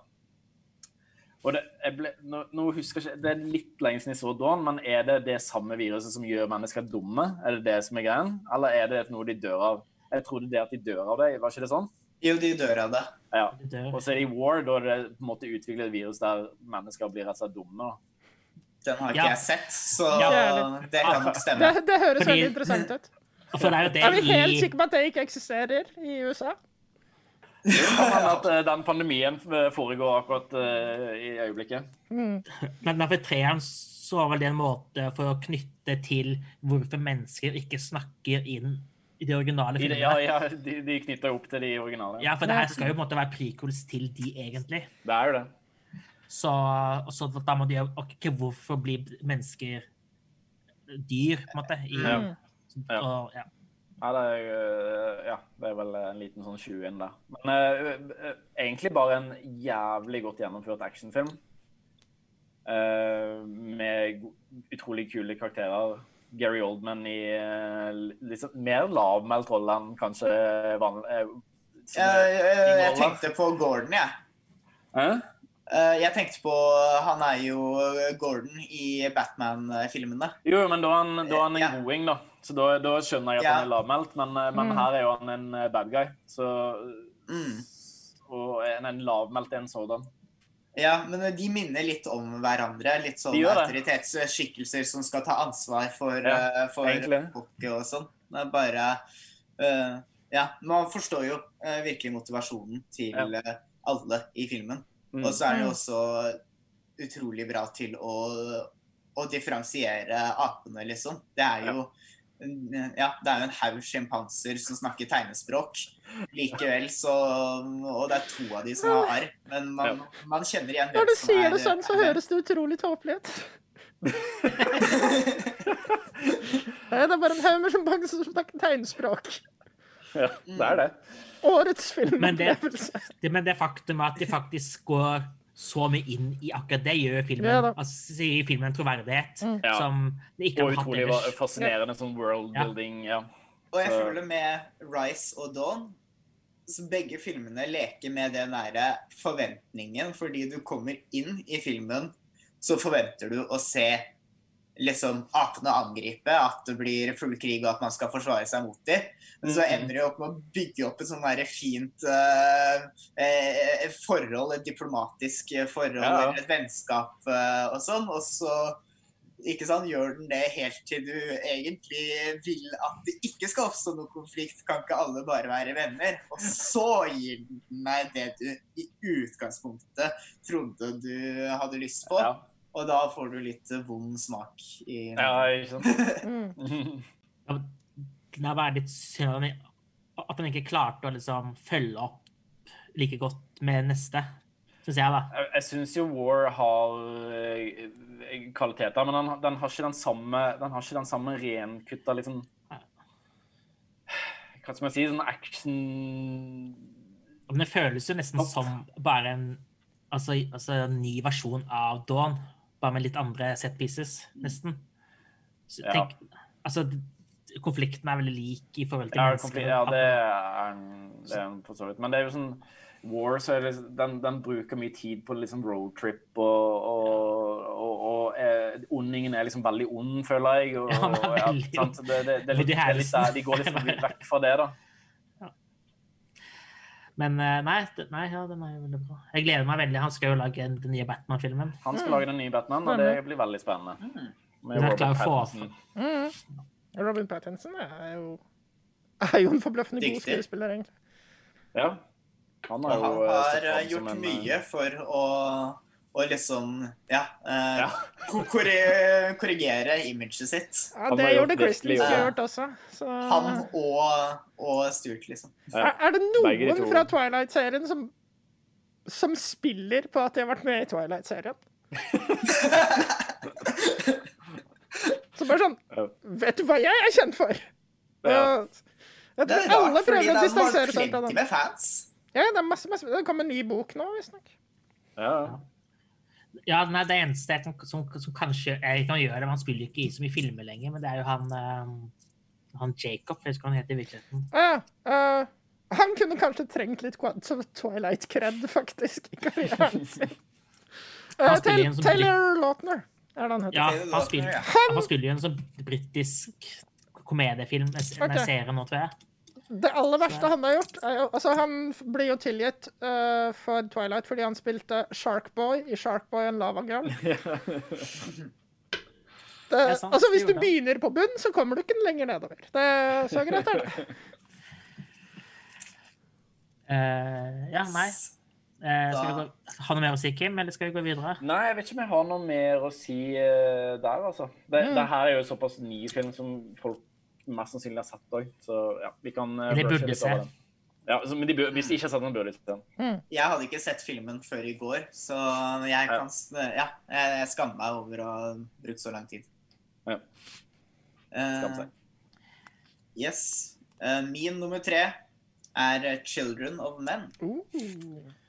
Ja, du Yes. tok den, ja? Ja, jeg tok, eh, tok den. Eh, ja, Ja, men det er ikke noe dårlig valg, for kjære. Nei, nei. Man kan jo si at eh, det å ikke få barn kan jo være en epidemi på samme måte som det å bli blind er en epidemi. Altså, jeg Så- argumenterte for at konformitet var en epidemi i stad. Jeg tror vi har relativt løse Eh, yes.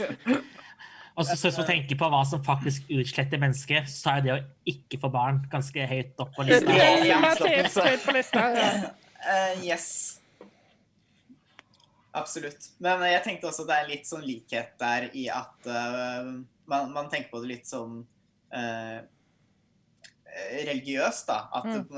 at det, er Gud som, det er Gud som straffer menneskeheten, nesten. At, eh, at det er noe gammelt testament over det der eh, å, å, å gjøre deg blind eh, hvis du liksom eh, spotter Gud, eller, eller eh, gjør at man ikke kan få barn og føre slekten videre.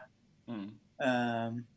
Og 'Children of Men' er jo en film eh, med veldig mye religiøs symbolikk. Mm.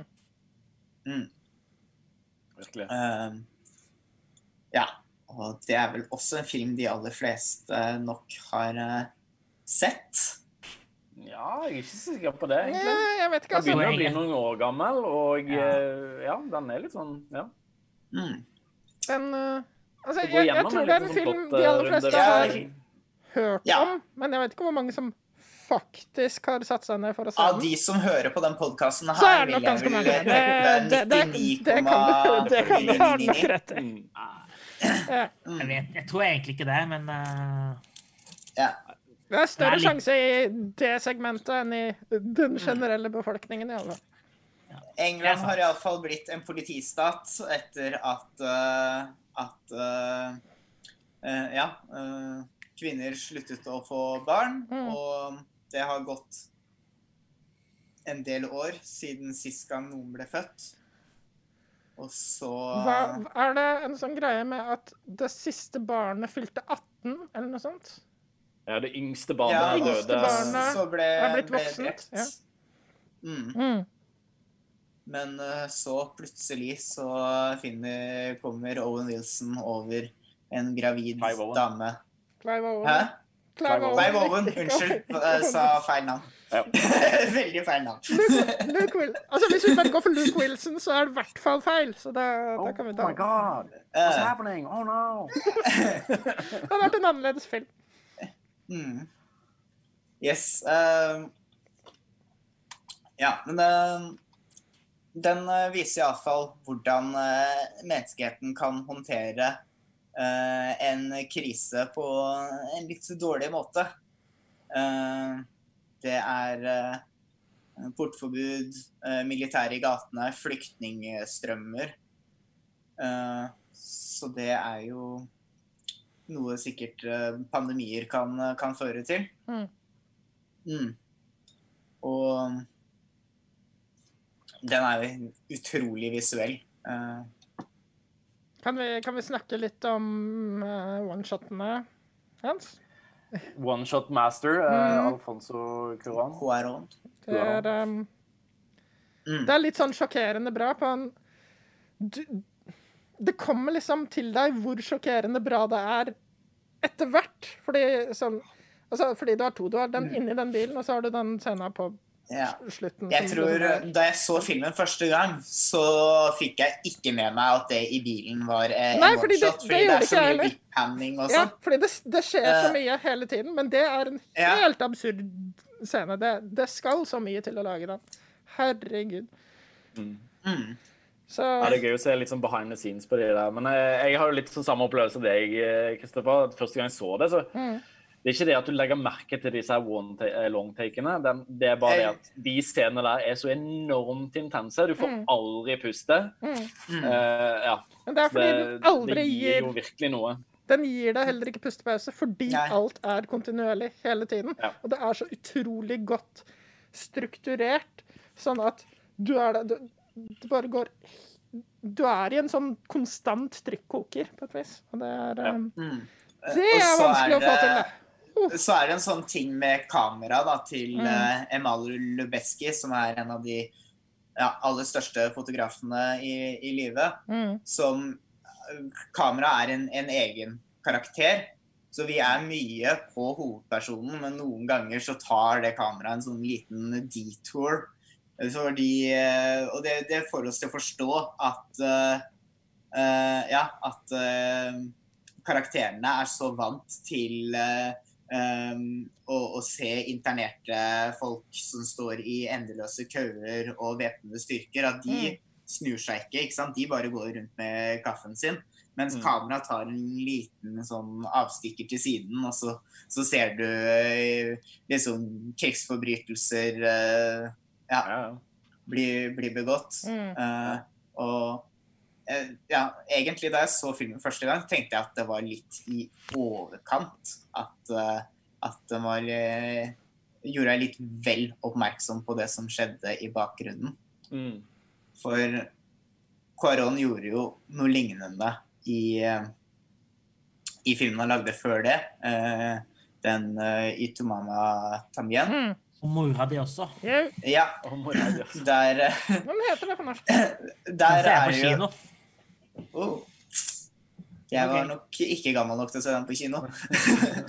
Eh, men, eh, men der eh, ser man jo også at hovedpersonene er jo vant til å leve i, i Mexico, ikke sant? Mm. Men kamera tar noen ganger og kikker til side til åsteder og, og politikontroller som meksikanerne da er vant til. Mm.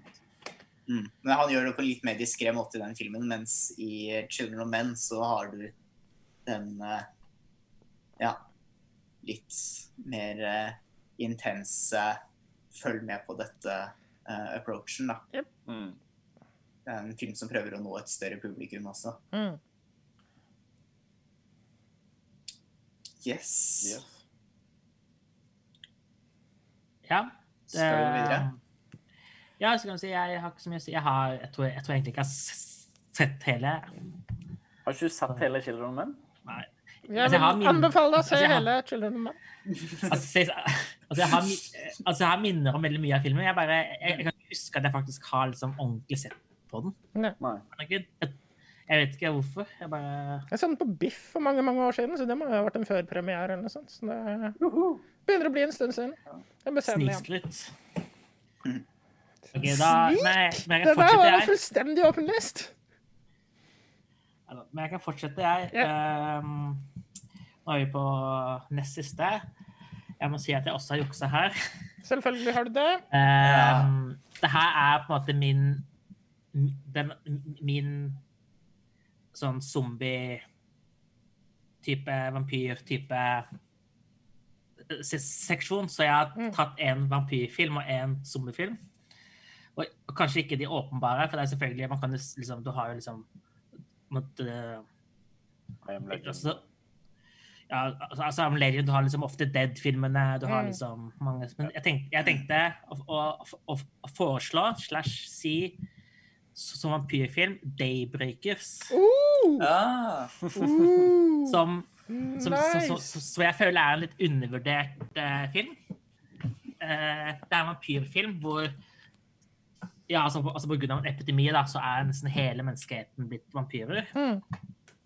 Um, uh, og de begynner å, å, å, å kjenne på mangelen av blod. Fordi når alle er eh, når vampyrer, så er det ikke så mye blod å liksom å, ta av. Og, de er, Ehm, og så er det liksom Det liksom, det er veldig sånn Det her samfunnet der, og liksom hvordan de prøver å overleve. Og så er det noen doktorer som prøver å redde menneskeheten ved å kurere vampyrer. og Mm. så du har liksom uh, William Defoe s- spiller i den som en eks-vampyr, tror jeg. Og Ethan Hawke uh, og Sam Neill.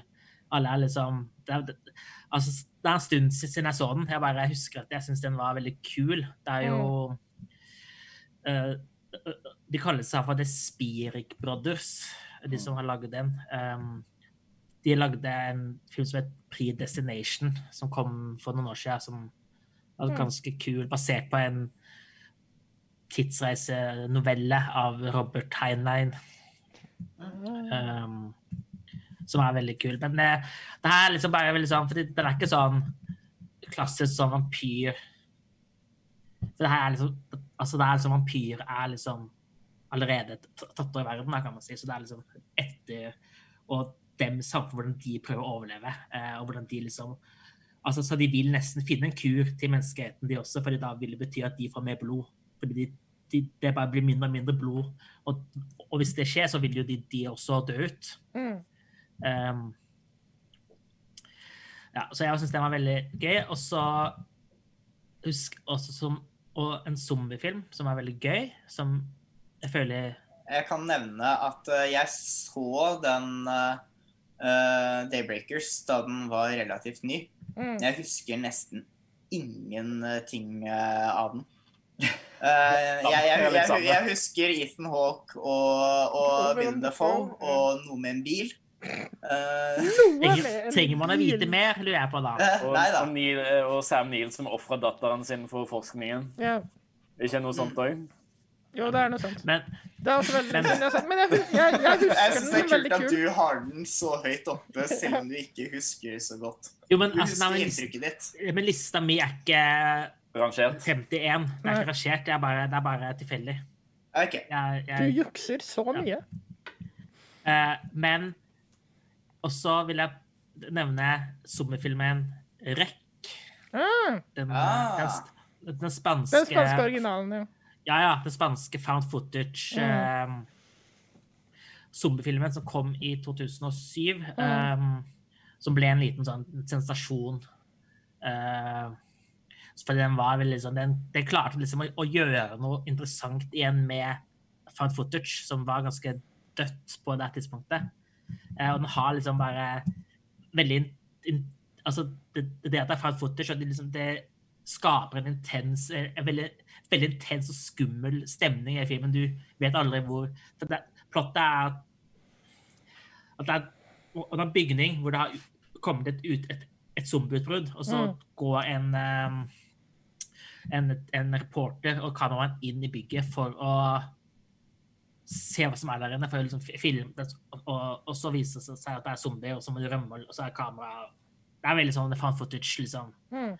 Altså, det er ikke alltid logisk at de fortsetter å filme, men det kan man eh, Det, Det kan man si Det, det tenker man ikke på fordi Nei, det- man er i Ja, men jeg bare husker at det var bare så gøy og så Ja. brutal og så spennende og bare interessant. Eh, og den, had, den har også fått to-tre oppfølgere, tror jeg. Eh, som ikke er, er like bra, og en amerikansk remake med, eh, med hun som spiller søsteren til Dexter. Ja, stemmer. Vel De heter Quarantine. Ja, for det, Jeg jeg, skulle det er til å nevne, for da, jeg har sett Quarantine, og var liksom plottet hørtes veldig Ja. likt Ja. ut. eh, Ja, det er den. Det, Det er den. det, ja. Mm. Ja, bare originalen er veldig bra. Ja. Uh, og, det er, og det er bare hvordan de bruker For de klarer å bruke liksom Siden det er liksom kamera, et litt sånn DV-aktig kamera, så, så er det veldig Hvordan de bruker lys og mørket, og hvordan de får liksom skvettescenen i den er liksom ikke så um, plagsomme, da. For jeg ofte synes altså, skvettescenen er veldig sånn At de føles veldig sånn. Trengte du vi virkelig den hvis de legger opp til den hele tiden. Ja, her så funker det bedre. bare en veldig sånn gøy eh, Man kan si begynnelsen på en zombie-epidemi, da, kan man si. Mm. Fordi man, man klarer aldri å, å, å stoppe en epidemi, en zombieepidemi. Så, så det her er veldig sånn kun inne i huset. Eh, jeg, tror- jeg tror det går litt ut av den sfæren etter hvert i de oppfølgerne. Mm. Men eh, den første er veldig Syns jeg var veldig bra. Ja, for jeg, jeg eh, fikk med meg da den kom ut, at uh, det var spennende med en found footage eh, zombiefilm fra Spania som får gode kritikker. Men jeg har aldri fått uh, rota meg til å se den. Veldig bra. Ja. Og ja, det er jo veldig bra found footage zombiefilm. Og, og da må jeg bare påpeke at man, må, man, man trenger ikke å se Diary of the Dead, som er George Romero som har prøvd å lage en fan footage-versjon av sin sin sin, um, sin filmserie, da. Sitt univers. Jeg tror det er han som lagde den, eller var det den andre? Jeg mener det er han. Ja, Var det, det var var det det siste han lagde? Ja, jeg tror det var noe av det siste. Jeg han lurer lagde, som er litt synd. Jeg så Land of the Dead da den var ny. Ja, den er jo faktisk Nei, men den er jo faktisk kul. Den husker jeg nesten ingenting av, men den Nei, hadde den er kult jo- produksjonsdesign. Ja, for den er veldig annerledes, for den foregår ganske langt inn i framtiden. Så, den- så det er liksom zombieapokalypsen er et skikkelig faktum, og det er liksom samfunn og um, den, den, jeg, jeg tror den floppa litt, men den, men den, ha- den er veldig sånn Mm. Den har fått litt sånn kritisk innsyn og det siste, tror jeg. Og jeg husker alltid jeg syntes den var så veldig sånn Den, den skapte et som var veldig kult, og hvordan liksom Og hva heter han igjen? Han um, alltid spiller bad guys i sånne uh, Michael Rocker! Ikke alltid.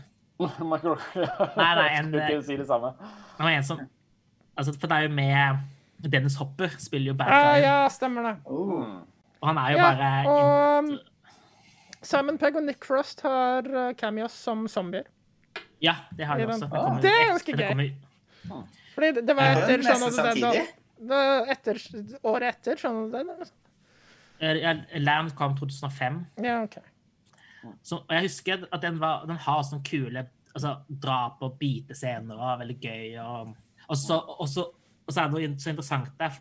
Jeg kan snakke om en helt annen film, da, men jeg husker at fordi den zombiene begynner å utvikle seg, Mm. de begynner å kunne bruke, bruke våpen eller bruke ting.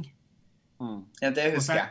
Som også er det, det er jo litt i Day også. Ja, Day tar Ja. liksom Mm. Der har vi jo han uh, søte som barberer seg og uh, Ja. kan skyte med pistol. Ja, fordi det var jo eh, Og det er også Det var synd at den floppa, for etter det så begynte han å lage disse Selv om den var grei, så hadde han liksom disse som var litt Gikk han tilbake i tid igjen. Og Mm. begynte å lage, å lage de sommerfilmene fra starten av apokalypsen. Sånn Mm. Hva het Island of the Dead, var det det den ene het?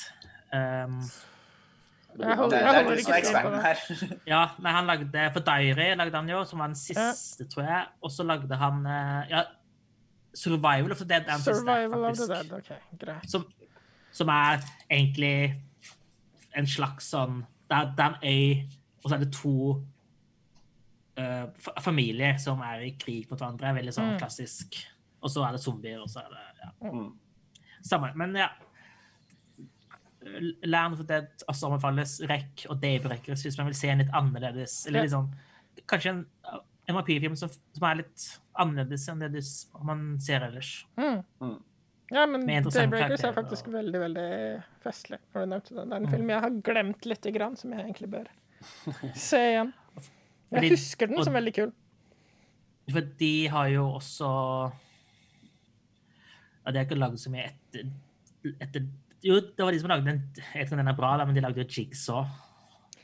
Den Mm. er ikke så halvgæren for det den er, på en måte. Eh, det er et par interessante dramaturgiske ting, men det er fortsatt en så-film, så du Jeg har ikke sett alle et vis. så-filmene ennå. så. Eh, de blir sånn forbløffende bra sånn rundt så seks, så blir de bra igjen.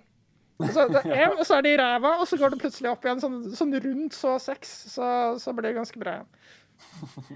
Det, det, det, det er litt um, uh, Fast and the Furious-kvalitetsgrafen, på et vis. Bortsett fra at det Men, eh, begynte liksom der, og så plutselig, når du fikk med The Rock, så bare sånn mm. Men jeg hørte at det er veldig mange som, eh, som sier at Fast and Furious 3 er den beste. Ja, Tokyo Drift? Ja. OK. No. Har du sett han hovedrolleinnehaveren? Han klarer ikke å se normal ut. Ja, ja. Men nei, jeg, Altså, jeg har sett den. han, han, han klarer ikke å ha et nøytralt ansikt. Det er for mye å liksom Ja, han bare sånn Jeg har sett liksom på Twitter at folk som har liksom nå har begynt å komme fram og si liksom at Fordi nå har den også blitt tatt med inn i, kon- inn i kronologien pga. visse karakterer. Ja, jeg vet. For, Og samme altså, regissør. fordi Ja, det, det er samme regissør. Og Tokyo Drift ligger langt foran alt det andre i kronologien, og så har de Ja. delvis tatt den igjen, på en måte. Så er det Ja, nieren er- nå som blir den første post-Tokyo Drift. Ja, fordi, fordi, film- fordi, fire, fordi fireren er jo også lenge etterpå. Ja. Fordi i fireren så dør Michelle Rodriguez. Mm. Men hun er med i de neste fordi de foregår kronologisk før. Og så Men det er også en greie med at hun var antatt død, men ikke var Ja, død likevel. allikevel, så Og så er det jo i en av filmene så reiser Vin Diesel til Tokyo for å hente en fyr. Ja, og det er da Da, da det blir uh, knytta til Tokyo Drift, fordi han har en bonus, en sånn post-credit-scene, eller en scene helt Ja. på slutten i den filmen, og han bare sånn Hei, familie. Ja. ja. Jeg Men eh, ja, det er ikke La oss gå videre. Ja, greit. Eh, min, eh, min nummer to uh, Og det Altså Epidemi og epidemi. Uh, Mad Max Fury Road. Fordi den er fuckings perfekt! Altså, Ja. til, til Ja, det, er, det er absolutt ingenting epidemi ved, da, fordi det er vel Ja, nei, men altså Det er en, det er en Patriarke. Patriarkatet. kate. Ikke, par, ikke, Patriarkatet. ikke, ikke Ja, det er sånn man sier det. Ja. Same, same. Vi skjønner hva jeg mener. Altså, det er en legitim lesning av den filmen at uh, verden har gått under fordi menn har gjort dumme menn-ting, uh, og så må kvinner rømme fra det og, uh, gå sammen og dra tilbake for å ødelegge det. Mm. Jeg godkjenner. mer merkelig at det appellerer til meg. Hæ, gutter? Hmm. Ja, det var veldig rart. Nei, men altså eh, det er Jeg har eh, et veldig sånn elsk-hat-forhold til uh, Mad Max-filmene sånn generelt sett. Bortsett fra Fury Road, som jeg bare elsker fullt og helt fra ende til annen, fordi den er helt, helt 100% fantastisk. Det er nesten ingenting å plukke på i den filmen. Og den er Altså, visuelt sett så er den snadder av absolutt uh, Fra absolutt helt øverste hylle. Uh, og så gjør den så mye med så lite. Det er Du får bløffende lite dialog i den filmen her. Det er, altså, det er nesten ingenting. Veldig mye gjøres med fakter, med blikk, med med uh, at man liksom overlater til til hverandre at folk har roller. Og for, det er veldig mye ikke-verbal kommunikasjon da, i den filmen, og det gjøres helt strålende fra regissøren av Baby Pig in the City. og Happy Feet 1 og 2. Eh, Men Baby Pig in the City er jo helt crazy, da. den er jo faktisk det. Var det du som hadde så- teorien om at det var en Mad Max prequel? Altså, men jeg så den faktisk for noen dager siden, og det er jo Det er jo en scene hvor det er på ute, og så er det sånne bikerpoliti som bare prøver å Og, det er, og så er det bare det, det, Den, den uh, byen de er i, i, Big- i Big Pete, er jo en blanding av alle byer. Så det er liksom, Du ser Empire State Building, du ser San Francisco-broen, du ser uh, den, den Jesus-statuen i, i, i, Rio de Janeiro, ja. du ser Hollywood-skiltet så så, det er basically Las Vegas, da. ja, det er metro- Og så er det bare sånne mørke scener hvor liksom en hund drukner etter fem minutter, og så bare ligger under vannet og bare drukner, og de bare dyrene bare ser på når man snur seg og går. Og Kanskje du skulle gått for in i scenen? isteden? som den den Åpenbart er en analogi for et eller annet. Det er helt crazy. Hvis du, i hvert fall, hvis- du tenker på det at det her også skal være barnefilm, så er det noe helt Altså Jeg husker nesten ingenting av den. Jeg husker jeg så den på flykino på vei til USA uh, da, da den var helt ny. Ja. Det, siden har jeg ikke Den sett den. floppa jo totalt. Den er, altså, den er jo ikke for barn. Den er jo det er, den- altså, det, er den film, det er den barnefilmen hans som mest føles som er regissert av han som lagde Mad Max. Mm. Det er, det er, det er nesten Det er en god barne- setning for øvrig. Den barnefilmen føles mest som fra regissøren av Mad Max. Det er en god ting å dytte på plakaten. Eh, Men eh, skal vi ta, tilbake til Fury Road, som bare Ja. Ja.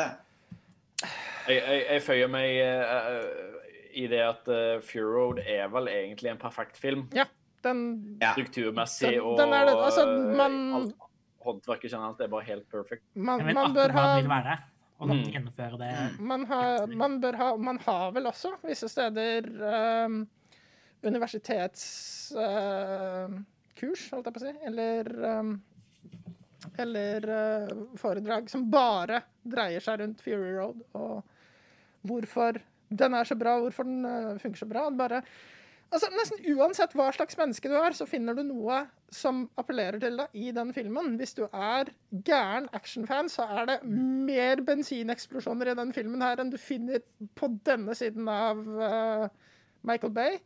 Eh, og så er det mellommenneskelige relasjoner, og så er det finne din plass i samfunnet. Og det, altså det, er, det er så mye. Og du har et mål, og målet eksisterer ikke. Du må finne nye mål. Uh, du må finne ut uh, om, om ditt moralgrunnlag er det riktig med, altså det er veldig, veldig mye. Og så har de noen av de beste stuntsene i hele verden, og en fyr som spiller en flammespyttende gitar.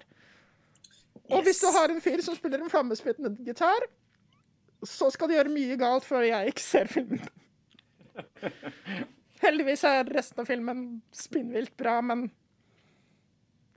Og det var en ekte ting. Det, det er en det er en rekvisitt. Det, de faker det ikke i det hele tatt. Han står med en flammekaster forma som en gitar og gjør det. Jeg vet det. Det er, det er Jeg har sett alt av bakgrunnsmaterialet. Ja, altså bakgrunnsmaterialet bakgrunnsmateriale av den altså, Kjøp Blu-rayen, se alt uh, behind the scenes-materialet, uh, og så ser du filmen igjen, og så mind blown helt på nytt igjen. Fordi uh, produksjonen av den filmen her er er altså det, Helt som er, Klippingen.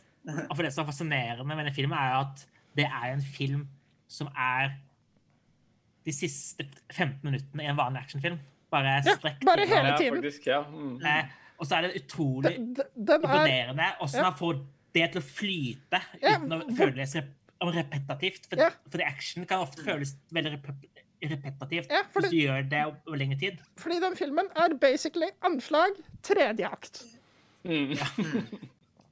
Det, det, det er strukturen i filmen. Allikevel så føles det som naturlig Du har jo, du har, måte, på. du har tre akter i den at du har anslaget, og så har du liksom veien til et sted. Ja. Og så bare. Nei, vi Og så snur, og så går vi tilbake.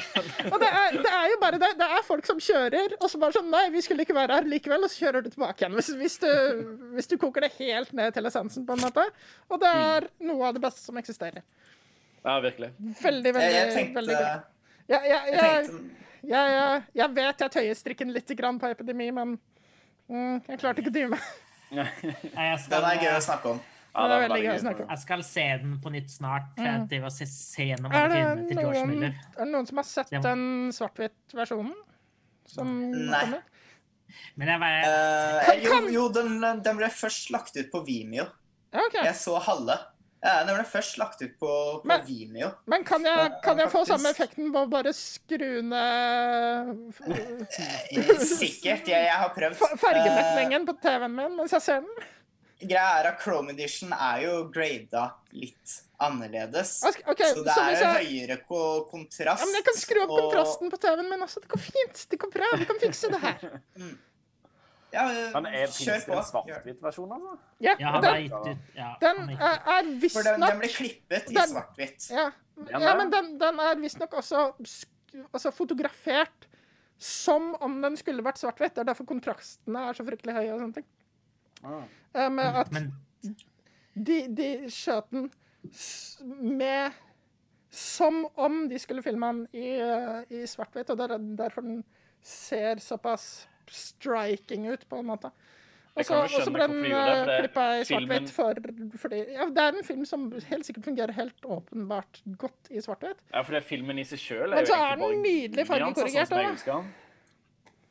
Ja, og, og den eh, Altså, den stormen, den Mhm. derre tornadoen, eh, så bedre ut i, i svart-hvitt. Mm. Eh, fordi Ja, det bare ser mindre kunstig ut, da. Det er det samme som folk sier om den der The Mist. Mm. Uh, Ja. eh, ja.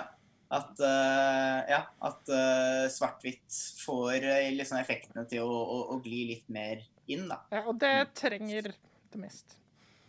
Mm. Mm. Men ja, Man, Man Sure Road har, Ja.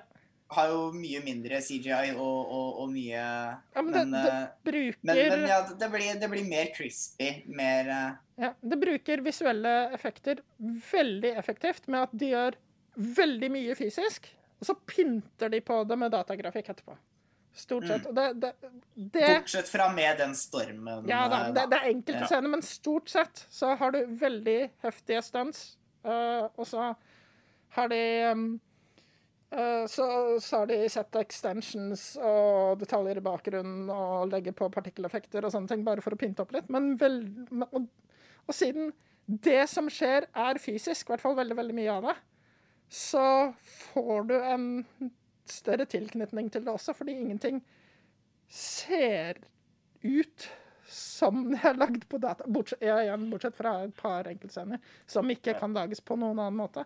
Men du får ikke den derre Av og til så får du uh, Spesielt hvis du skal simulere mennesker og sånne ting, at ingenting har noen vekt. At de ikke At, at, eh, at uh, ting som treffer hverandre, ikke har noen påvirkning på hverandre. Og sånne ting. Og det, det, Mm. det fins ikke i Fury Road, fordi de prøver ikke å gjøre det på den.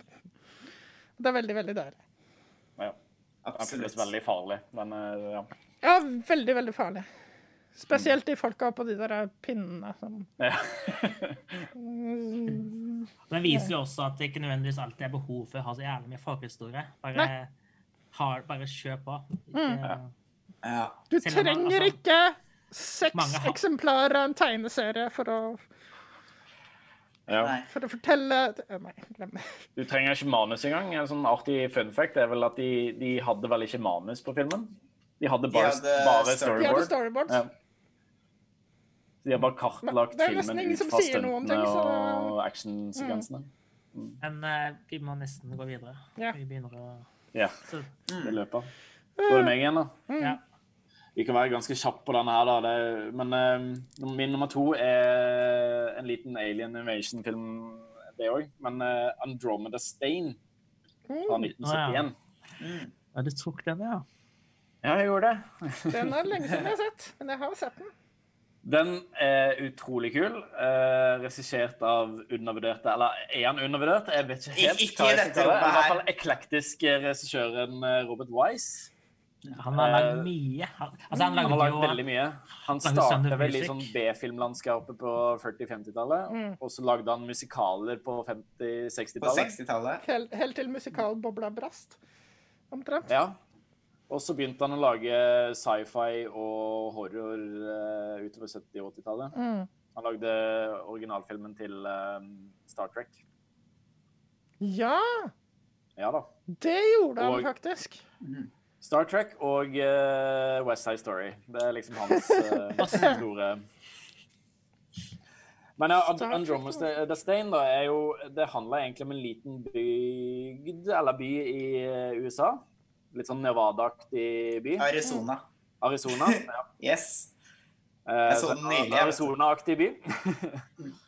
Eh, der det da skjer et utbrudd av et virus, som da viser seg å være et uh, utenomjordisk virus som har utstøtt denne bygden. Da. Og så blir det da tilkalt en del forskere.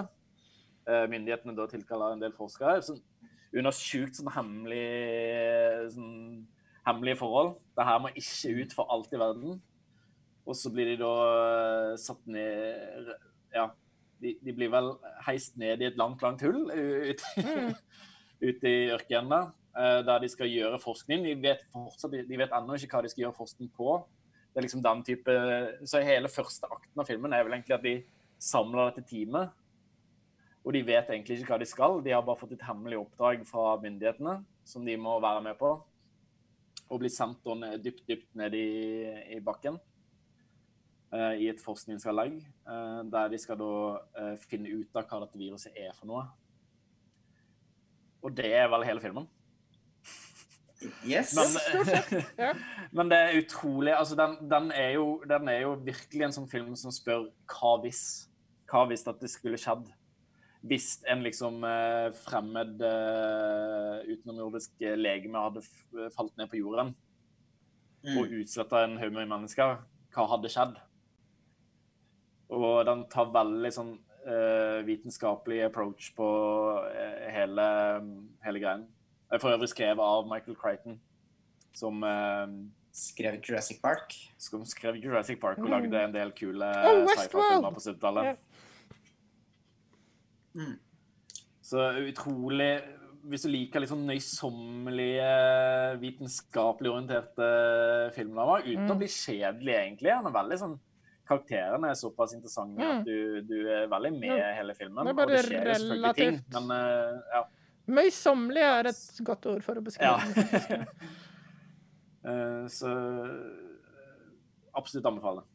Jeg vet ikke hva mer jeg skal si, egentlig. Uh, Uh, jeg kan sikkert uh, si noen flere ting om den. ja, føy til Uh, Eh, ja, eh, jeg kan nevne at uh, vitenskapsfolka i den filmen her føles veldig som vitenskapsfolk. ja. Det er en veldig god cast uh, og, og veldig uh, veldig god dialog. De er, eh, de er verken sånn der um, som var vanlig på den tiden, sånn klisjeer med briller uh, som ikke helt ikke sant, bare bryr seg om vitenskap og ikke ja, de, de har tydelige personligheter, spesielt hun dama med epilepsi. ja.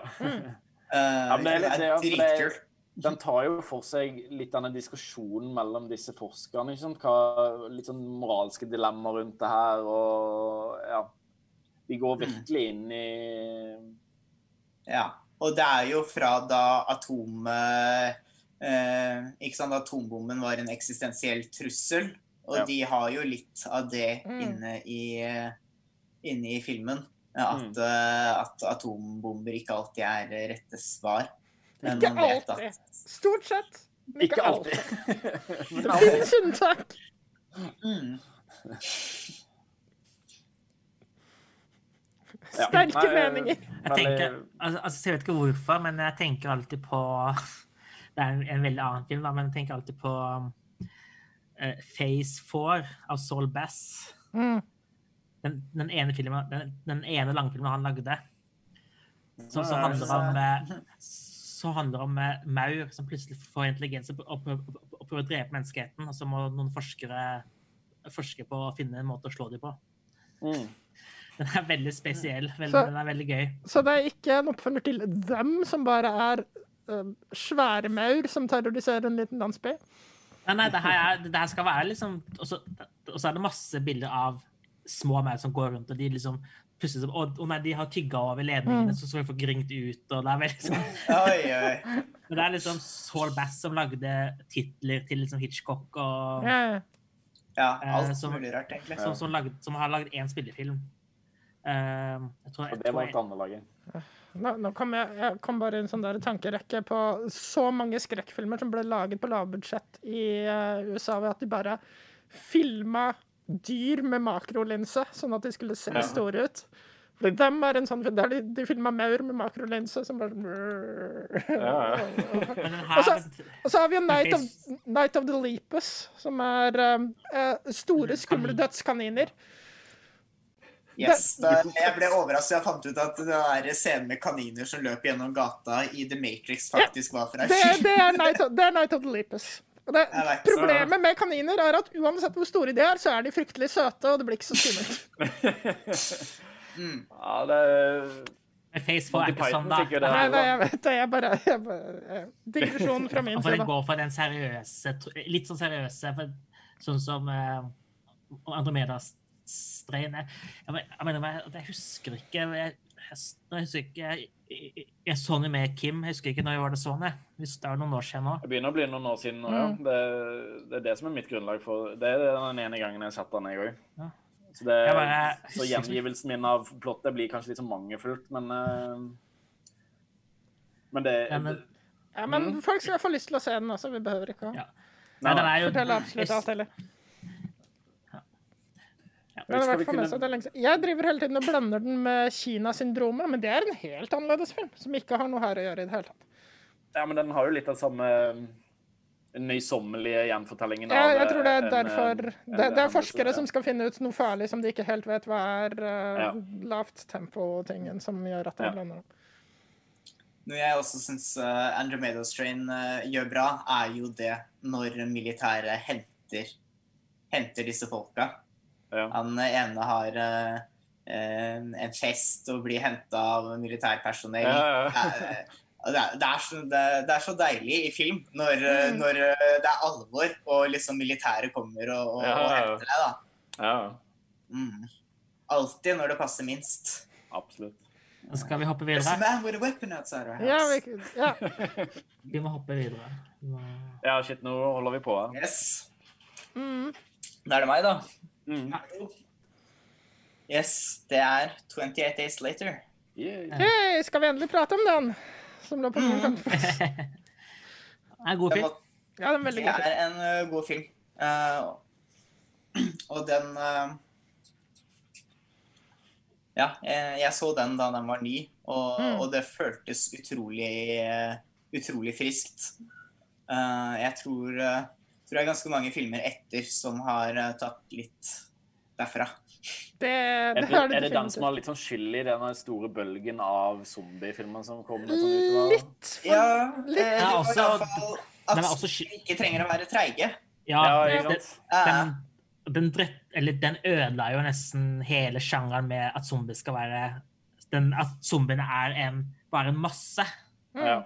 Den, den, nå, og nå, nå de kjappe, så, så nå kan de ikke bare liksom For, for det Før var det det at zombiene tok deg fordi det var så mange. De bare, de stoppa aldri, men nå løper de deg rett ned. Nå, nå er det et, et Altså, én zombie kan være et reelt monster du ikke Ja. bare kan løpe rundt og daske med kosteskaft. mm.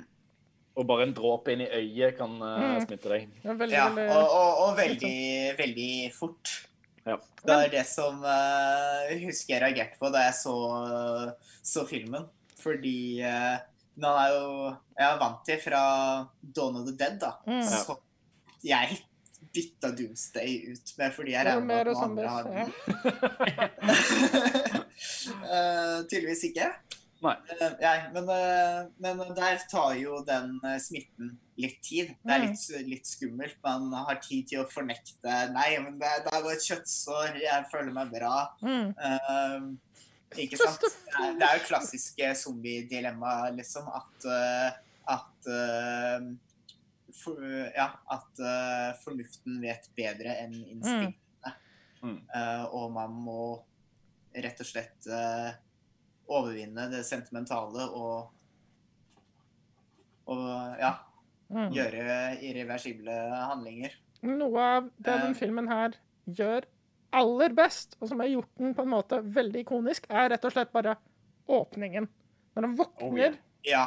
på sykehuset Altså ikke den scenen med apene, men når han våkner på sykehuset, og det er ingen der, og han går ut, og plutselig er han i London sentrum, som er helt folketomt. Altså, det fins ikke en sjel. Og det bildet hadde vært bedre i HD, men Herregud. det er Det er et helt ikonisk bilde som, som, som setter uh, premissene for den filmen på en helt, helt nydelig måte. Det Det er en er, grunn til at Walking Dead stjal den scenen. Ja, det er Ja. Altså, det, det er veldig mange som bare og har bøffa den scenen, men det, det er ingen som har gjort det bedre. Fordi den, den er eh, Fordi det er Du ser aldri, aldri London tom.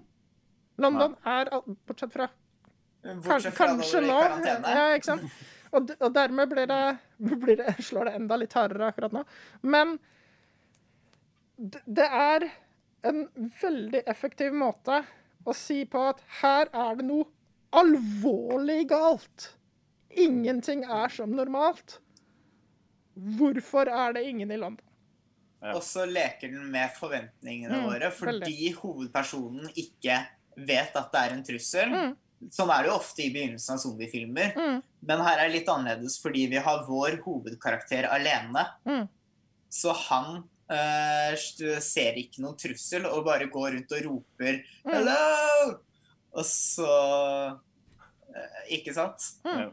Kommer han til slutt inn eh, et sted der de ligger og, og hviler, for eh, Og det er utrolig tens. Og Musikken der òg er jo ja, ja, helt syk. Mm. absolutt. Mm. Og Hvem det som musikken der, Chris? Uh, oi, oi, det ble jeg usikker Det har ikke jeg er hodet. på det, da. Ikke alltid. Eh, Jeg bare lar dere fikse det. Men eh, Sanne, du kan, du kan jo fortelle litt uh, Hvem er det som har regissert denne filmen? her? Å ja! Um, Danny Boyle. det er Danny Boyle. Ja. Uh, Skrevet av Alex Galen. ja, det er altså, ja. Apropos Alex Galen skriver nesten utelukkende interessante ting. Altså, han er en av mine favoritt kreative Ikke bare som regissør, han har regissert interessante ting eh, også, men også han har skrevet vanvittig mye av det mest interessante som eksisterer. Eh, og denne her, Han skrev The Beach også, gjorde han ikke det? Jo. jo, Uh, for uh, The Beach ga han ut som bok, Ja. og så ble den adaptert Stemmer. av Danny Boyle. Mm. Og så eh, skrev han- han 28 Days Later som manus. Men da. Men, vent da. Jeg tror han skrev manus til The Beach òg, ja. Ja, Ja, han- han skrev i hvert fall Nei, det gjorde han ikke. Det var den Danny Boyle som adopterte boken? Nei, John Hodge skrev manuset basert okay. på boken hans. OK. Så Men uansett, det, det, han er veldig Jeg så forresten Devs nå, som er jeg TV-serien hans. Jeg har sett to episoder. Jeg. Jeg eh, Jeg syns det er noe av det minst interessante han har laga, men det er fortsatt relativt høyt oppe på skalaen. Um, Han prøver iallfall. Ja. Det men uh, sånn som Annihilation eller Ex Machina og sånn er uh, mm. det, det er mye mer å ta tak i, da, føler jeg. Mm. Uh, men Dredd lagde jo. Yes. Ja, det gjorde han også! Sound, jammen skrev han soundtracket. Soundtracket er iallfall John Murphy. Okay. John Murphy, ja. Ja, han lagde Snatch, og så har han jo lagd uh. Eh, ja, litt, uh, litt filmer senere, blant annet 'Sunshine'. eh, Mm. Som også Som er ganske kult. Men- men Eh, ja, som også innom, har ja. eh, samme manus-regiduo. Og, eh, og Killian Murphy? Cillian Murphy? Killian Murphy? Ja, Ja. Killian Killian Murphy. Murphy. Yes. Um, jo, det, det er jo også veldig stemningsfullt. Og, og den musikken er jo sånn ordentlig crescendo, Mm. kan man si. Du har liksom disse stille oppbygningene, og så har du en sånn uh, Vi er midt i helvete-følelse. Den, den, den har og, og den, den sl- slutten, uh, ikke sant? ja, altså, de, ja. ja.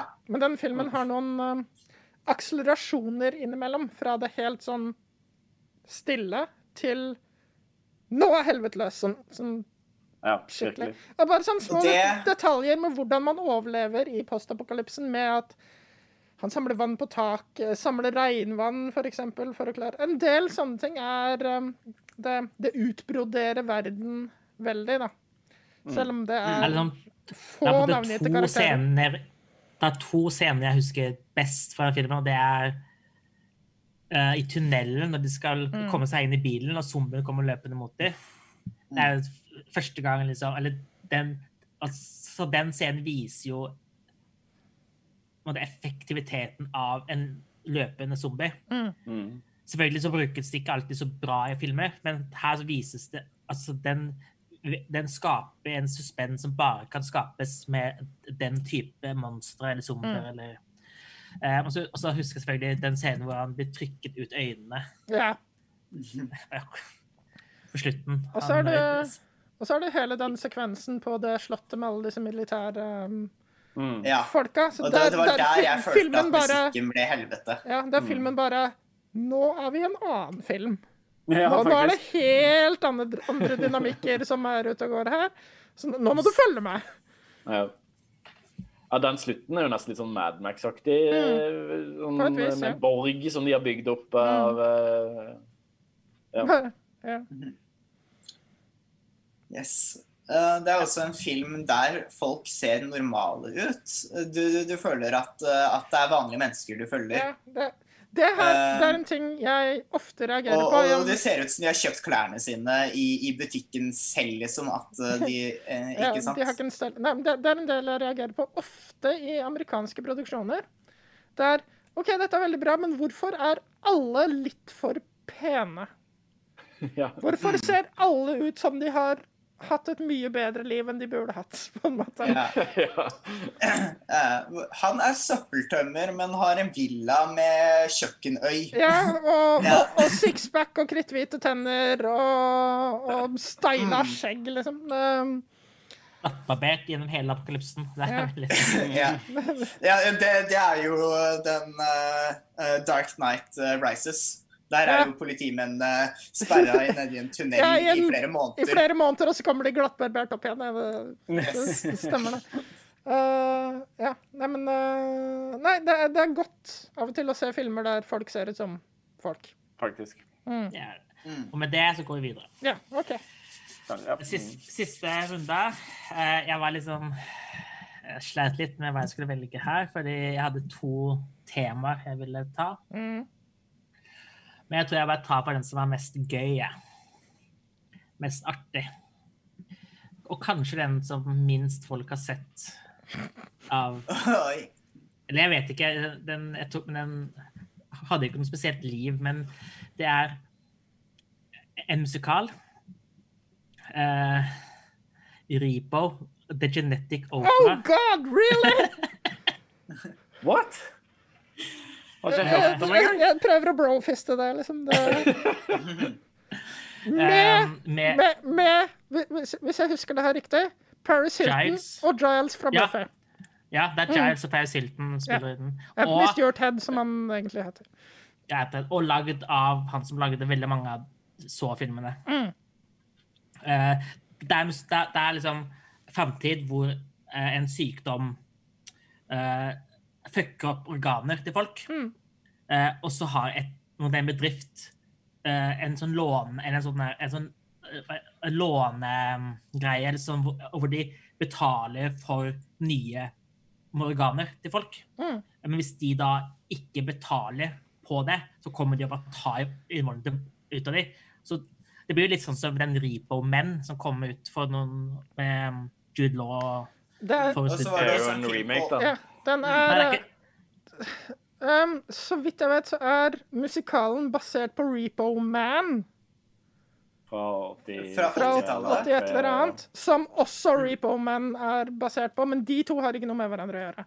Men de er løst basert på det samme kildematerialet, som handler om at man kjøper indre organer på avbetaling, og hvis du ikke klarer å betale, så kommer det folk og tar det. ja, tar kommer det. liksom, eh, ja, så kommer de og tar de fra det. Mm. De bare river det ut. Sånn som den scenen i Monty Python. For å gå Ja, tilbake. det, er- det, er, det er akkurat som den scenen i Monty Python, bare at det ikke er fullt så komisk. Men ja, det er akkurat det samme, faktisk.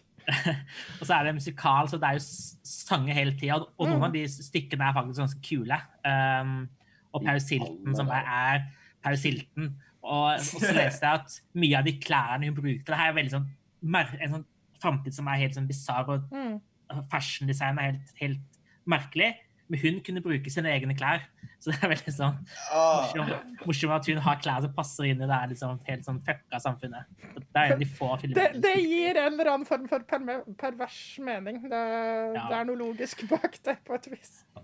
Så er det liksom Og så er det jo um,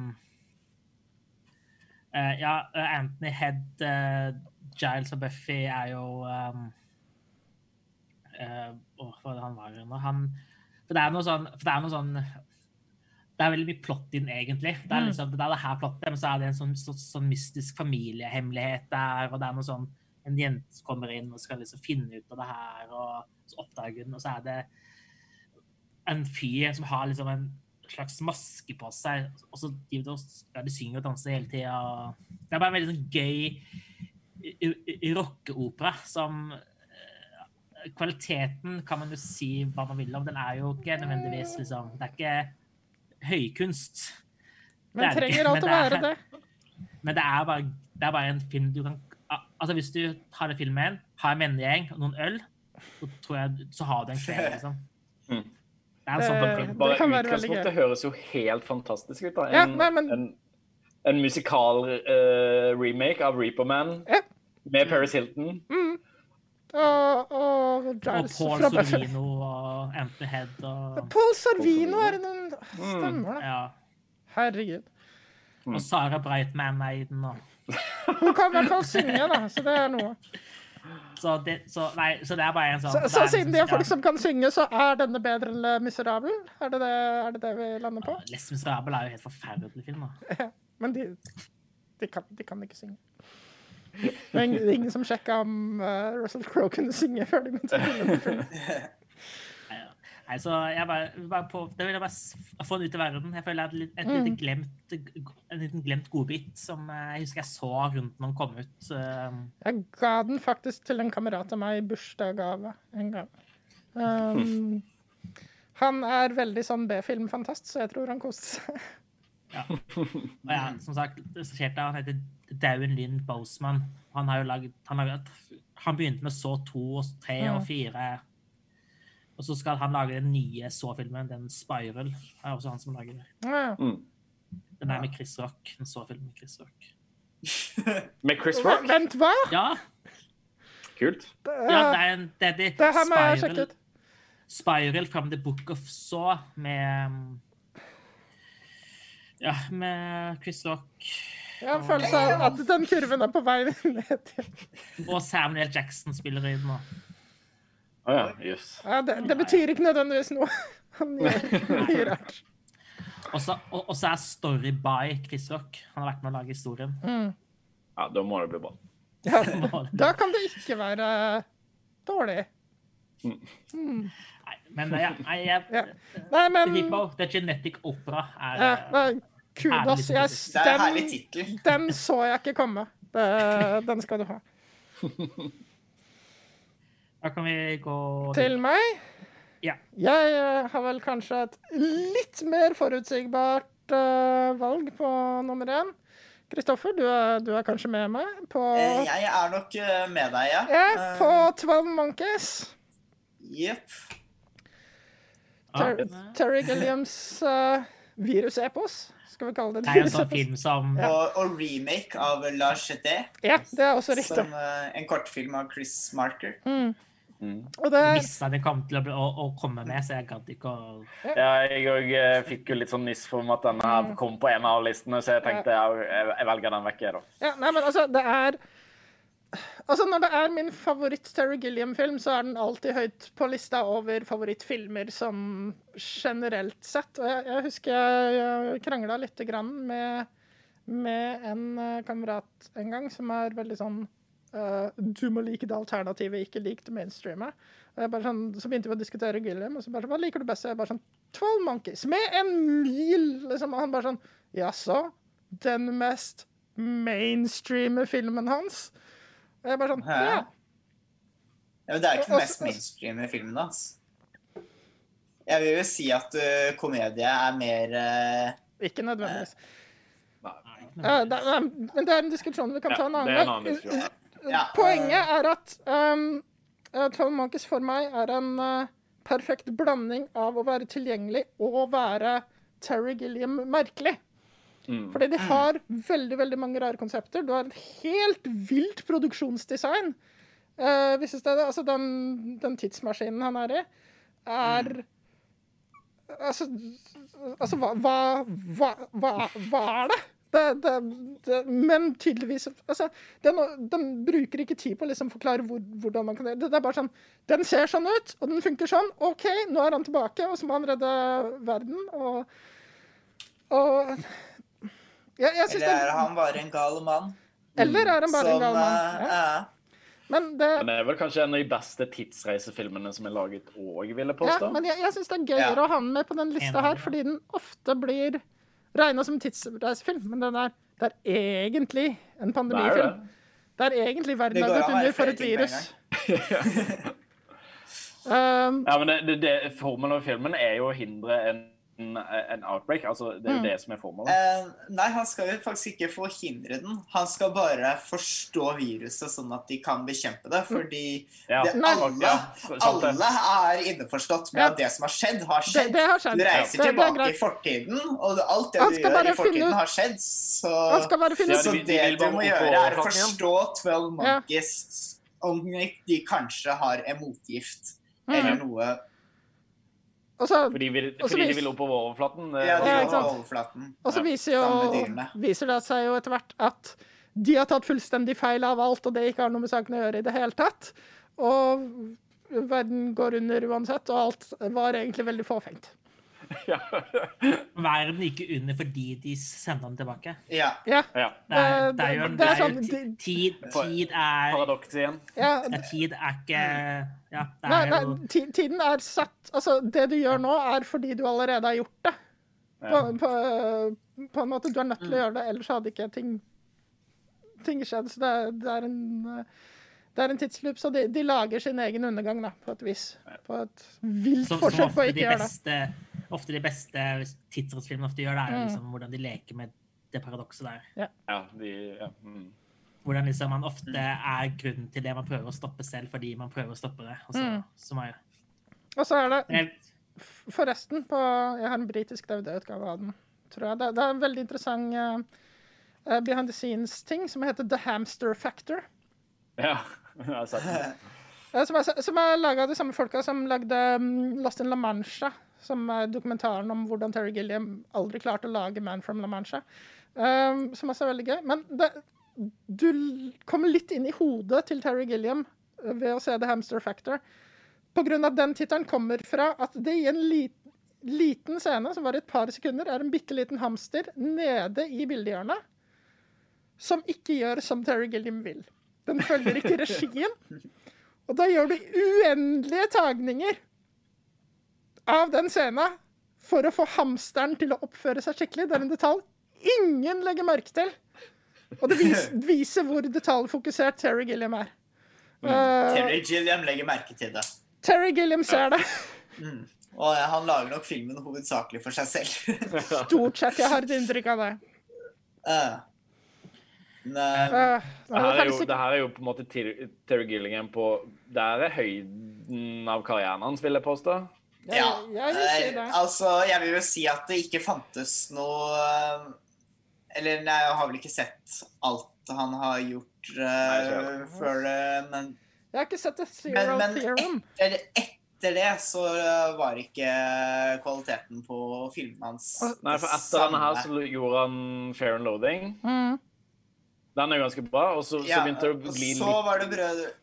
Ja, Ja, så var det Brødrene Grim, Ja. som jeg egentlig liker ganske godt, men jeg har fått beskjed om at man er- ikke skal like. sånn herlig trashy, men det er jo så The. Imaginarium of Dr. Parnassus, ja, og Zero er Theorem. sånn, Så ja. den, Og så lagde han jo Tideland.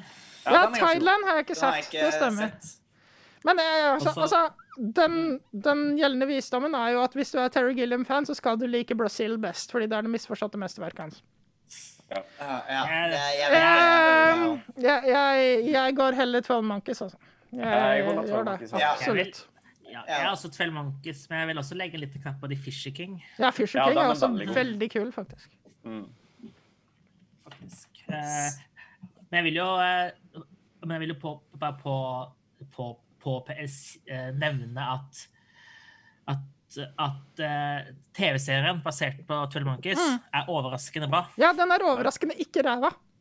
Ja, jeg, altså jeg digga den. Mm. Altså, Jeg så første sesongen og bare sånn Ja, dette, dette er ikke så halvgærent, men jeg, mm, jeg har ikke tid. Nei, Men, jeg gidder ikke. den er, men den er, den er, altså den, den er veldig bra, iallfall etter den begynner å liksom faktisk bli sin egen greie. Mm. Uh, for første sesong er veldig sånn eh, eh, bra, men Er det flere sesonger òg, ja? det er fem-seks sesonger igjen nå. Er gikk den så lenge? Shit. Ja, ja, jeg, altså jeg, den, bare, den gjør bare det tidsreisende så utrolig bra. Hvordan den leker med fortid og fremtid og karakterene karakteren og sykdommen og utvider litt uh, og som klarer å holde på mye av det som er temaene i 12 Monkeys, men, som, men samtidig altså med filmen, men samtidig ut, altså gjøre sine egne greier, sine egne tanker og ideer. og Mm. Jeg ble veldig overraska over hvor bra det egentlig var. Og, og, og hvor flink den var til å leke med forventninger og Ja. sånn. Så jeg Ja. Det, altså, det var helt annet. Den er mye mer clean, sånn sett. Sånn, Mm. altså, Tømmerkos er en veldig skitten film. Bare, Ja. altså, på- altså, Produksjonsdesign er jo veldig skittent. De, de, har, de hadde på en måte litt sånn metaflaks med den filmen, fordi den ble casta før de store stjernene egentlig var så store stjerner. Som, Mm, altså, ja. Brad Pitt ble den største kjekkasen eh, på planeten mellom han ble casta og filmen kom ut. Ja, ja. Og plutselig bare sånn Han- Shit, vi kan putte Brad Pitt på plakaten vår! Han ble jo Oscar-nominert for den rollen. Og den rollen er fryktelig bra. Den, eh, den, Han er, gjør in- veldig god rolle. den er intens. Det er, ikke, det er ikke sånn Det er alltid sånne filmer man eh, Ja. bare forbereder seg på at akademiet kommer til å ignorere. Mm. Men, Men, eh, De ignorerte jo Bruce Willis. men det kan jo hende de tok Ja. og det, og det, var, det er noe av det beste Bruce Willis har gjort også. Det er ikke som nå når han, Han har spiller slutta å prøve. så bra i den filmen der. Mm. Han er så for, for, for, for det forskjellen er at Brad Pitt spiller virkelig. Ja, han spiller litt. Han har han er faktene og Ja. Han er Veldig stor. Willis Ja. er veldig sånn uh, Han er så god, altså. Han Ja, han er er så god. god. Han, han er bare sånn lavmælt intens. Ja. Ja. Og de rollene går sjelden bra på, i, i Oscar, dessverre. Og, Det er noe med at de vil ha store store spillinger. Tenk hvis Bruce Willis kunne gjort en sånn rolle igjen. da. Bare, bare gi han har det i alt i seg. rollen. Bare, Han har det i Han seg, han bare seg. bryr seg ikke lenger. Ja, gøy det. Bare, Nei, jeg gidder ikke å prøve. Men eh, la oss gå videre. La Ja. oss komme oss gjennom. Da Nei, er vi på siste film nå, faktisk. Nei, vi skal ikke. Eh, har vi, vi har ikke snakket ferdig om Twelve Monkeys før. Jo, vi må det. Vi må gå videre. Vi har, vi har holdt på to og en halv time. Ja, er- Vi holdt på to timer og et kvarter. OK, ja. har du noe å si? Hva, hva, hva har du noe å si? Så, så si det veldig fort. Eh, jo, 30 greit. Um, yes, og nå føler jeg, føler jeg presset her. Um, jo um, Helvete. Um, takk.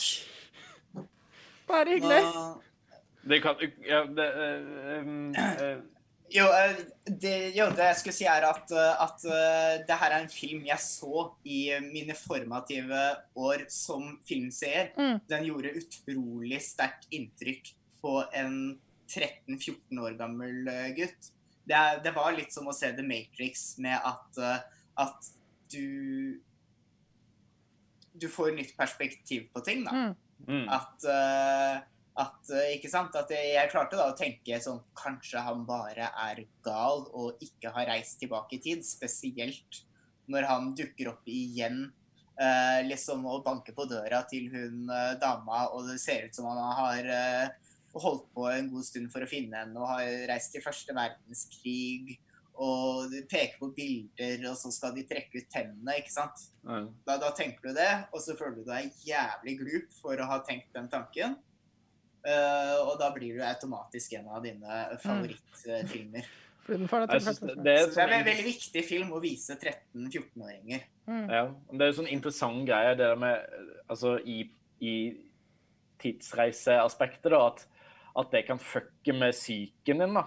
Jeg syns det var så interessant, uh, husker jeg. Og, og ehm, hvis, hvis du skulle da reist tilbake i tid, hvordan ville du bli behandlet av de som faktisk er der, liksom? Det, det er en av de første filmene jeg så, i hvert fall, som virkelig tok inn i det. da. For, for Bruce Willis begynner å tvile på sin egen syke i Mm. løpet av filmen. ikke sant? Bare, er Ja. det drøm, dette her? Er Mm. jeg sjuk, liksom? Er det, ja. Eh, og så, ja, for etter hvert så blir det jo sånn at det er han som sier sånn derre Nei, jeg er eh, Jeg har blitt frisk igjen. Eh, Jeg er ikke fra fremtiden. Jeg er Ja, ja. Dere er bare min fantasi. Nei, nei, nei, det var bare en fase. Alt er i orden nå. Legene fikk meg til å forstå at det var en psykose Mm. forårsaket av traumer. Ja. Nei, men uh, vi- vi kan avslutte med at um, 12 Monkeys er en sånn film som jeg ser med jevne mellomrom fordi den minner meg om hvorfor jeg liker film som konsept. Fordi det, den har et slags magisk uh, trekk ved seg som, som gjør at den appellerer til meg på at på et nivå som ikke så mange filmer gjør. Uh, du har den, og så har du De fortapte barns by, og så har du Cinema Paradis, for eksempel. Som bare er sånn Som gjør et eller annet kjempespesielt som får meg til å elske mediet som helhet. Og det, det er en sjeldenhet, og det må vi sette pris på. Enig. Da kan vi gå videre. Da kan vi gå videre. Da er det bare meg igjen, da. Ja, da er vi siste filmen. For det, vi har jo, det er jo en film som vi ikke har nevnt her, tenker jeg. Ja, det er det. Det er en film som Det, det var den første filmen jeg tenkte på da når koronasanksjonene kom inn. Mm. Eh, eh, som, for de av oss som husker liksom søndagsfilmen på TV 2 som en begivenhet, Jeg tror jeg vet hvor du skal det da. så husker dere sikkert den eh, Outbreak fra 1995 Ja. med Dustin Hoffman, René Ruse og Morgan Freeman. Yep. Og Kevin Spacey Okay. i rolle. Regissert av eh, 90-tallshelten Wolfgang Petersen. Det er han som lagde Das Båt. Hvis du har lagd Das Han Båt, som så lagde er Das Båt. Ja. Og, eh, og uh, Air Force One. ja. Og Og- Never Ending Story. Ja, det, det er også riktig. Holder fortsatt en knapp på Das Båt, men OK. Og Enemy Mine, er ikke det han? Enemy Mine. Det har jeg ikke i hodet. Den der romvesen, buddycop eh, Mm. med Å ja, shit, ja. Den har ikke sett den, men uh... Eller heter det Enemy Mine? Jo, den heter vel det. Enemy, En, Enema Mine. Ikke hørt den. Nei. Enemy Mine. Med, jo, den, altså, den er veldig bra. Den er jo med Louis Gossett jr. og Dennis Quaid. Okay. Den jeg ene har ikke sånn, sett den. det, det er sånn krig mellom mennesker og vesener. Og så. Mm. blir de samlet sammen på, på planet, og så blir de bestevenner og buddycops, og så viser det at han man trodde var mann, var egentlig dame, og så føder barn, og så dør ja, det er veldig sånn, Og så må han oppdra sønnen til alien, bestevennen sin. Og så, ja. Ja. han, har, han er sånn Han er jo litt sånn eklektisk eh, regissør. Han er vel litt sånn regissør for hire, da. Han Ja, han er litt sånn eh, Hva er det? Journeyman. Ja, det heter sånn drar rundt og gjør jobber her Ja. og der. Ja. Han lagde jo Troy og Perfect Storm. Ja, eh, han har mange filmer på merittlisten sin. Mm. Men ja, jeg, jeg så jo denne her filmen igjen da, eh, nå nylig. I, i koronakarantenen min. Og den er jo Den er så 90-talls Ja, i den- bare den er form utrolig og Og eh, sant, det der å liksom introdusere den eh, Everyman, Dustin Hoffman, som bare gjør jobben sin og blir slengt inn i en sånn uh, han, er vel militær, da. Han er ikke helt Mm. sivil. Han er vel en militærlege som, eh, som jobber med smittevern eh, spesifikt. Men han er liksom, han er liksom everyman. Han vasker hunden sin og, og ja, ja, han er en fin fyr og holder på med en skilsmisse fra Mm. konen sin. Og, Selvfølgelig. Som er øvrig altså, alle, og, alle de gråhåra på 90-tallet. ja. Men det er basically akkurat 90-tallsfilm. Det er basically akkurat den samme rollen som Matthew Broderick i Godzilla. Ja, faktisk. Og, og jeg tenkte òg på um, Og Sam Neill i Jurassic Park. Eh, eh, Ja, jeg tenkte òg på eh, Bill, Bill Paxton i Twister. Å ja! Akkurat samme ja greiene. er akkurat, også akkurat den samme greia. Stemmer det. Så det, det, det her er en trope fra 90-tallet i høyeste grad. Mm. Uh, men også selvfølgelig finner han da ut av et virus som uh, blusser opp i Afrika. Mm. Som er Og, ikke ebola, vi lover. Hæ? Ikke ebola, vi lover. Det, juridisk ikke ebola. Ja. Ikke ebola. Dette er ikke ebola. Uh, Det er veldig basert da- på ebola. han blir liksom denne fyren som, som må sette alarm. ikke sant? Han, Mm. eh, han, må, han må kjempe kampen mot uh, autoritetene for å si at dette her Vi må håndtere dette med seriøsitet, ellers kommer Mm. det til å gå, gå oss gale. Og som de da gjør, den kommer selvfølgelig på finurlig vis til akkurat den by i USA. Mm. De klarer å karantene, eh, holde den byen i karantene, men så kommer militæret inn. Ja, let's, let's nuke them. That's the, that's the solution. Og så er det bad guyen som du må da kjempe mot, Mm. eh, i, som er for øvrig spilt av Donald Sutherland. Da. Det er han, eh, han er Donald God damn. herlig ond. Han er, han er bare ond. Ja, Han er- han er bare ond. Han er, han er drittsekk mot alle. Han er ond og vil bare drepe. Han vil selvfølgelig ha dette viruset som en militær våpen. De, de skal lage våpen av det. De skal våpenisere viruset for å drive Ja. biologisk krigføring mot farlige fiender. Ja, de har til og med visst om dette viruset siden 60-tallet, så de Mm. har en motgift som de har utviklet, men de vil ikke da gi den ut da, til Nei. menneskeheten.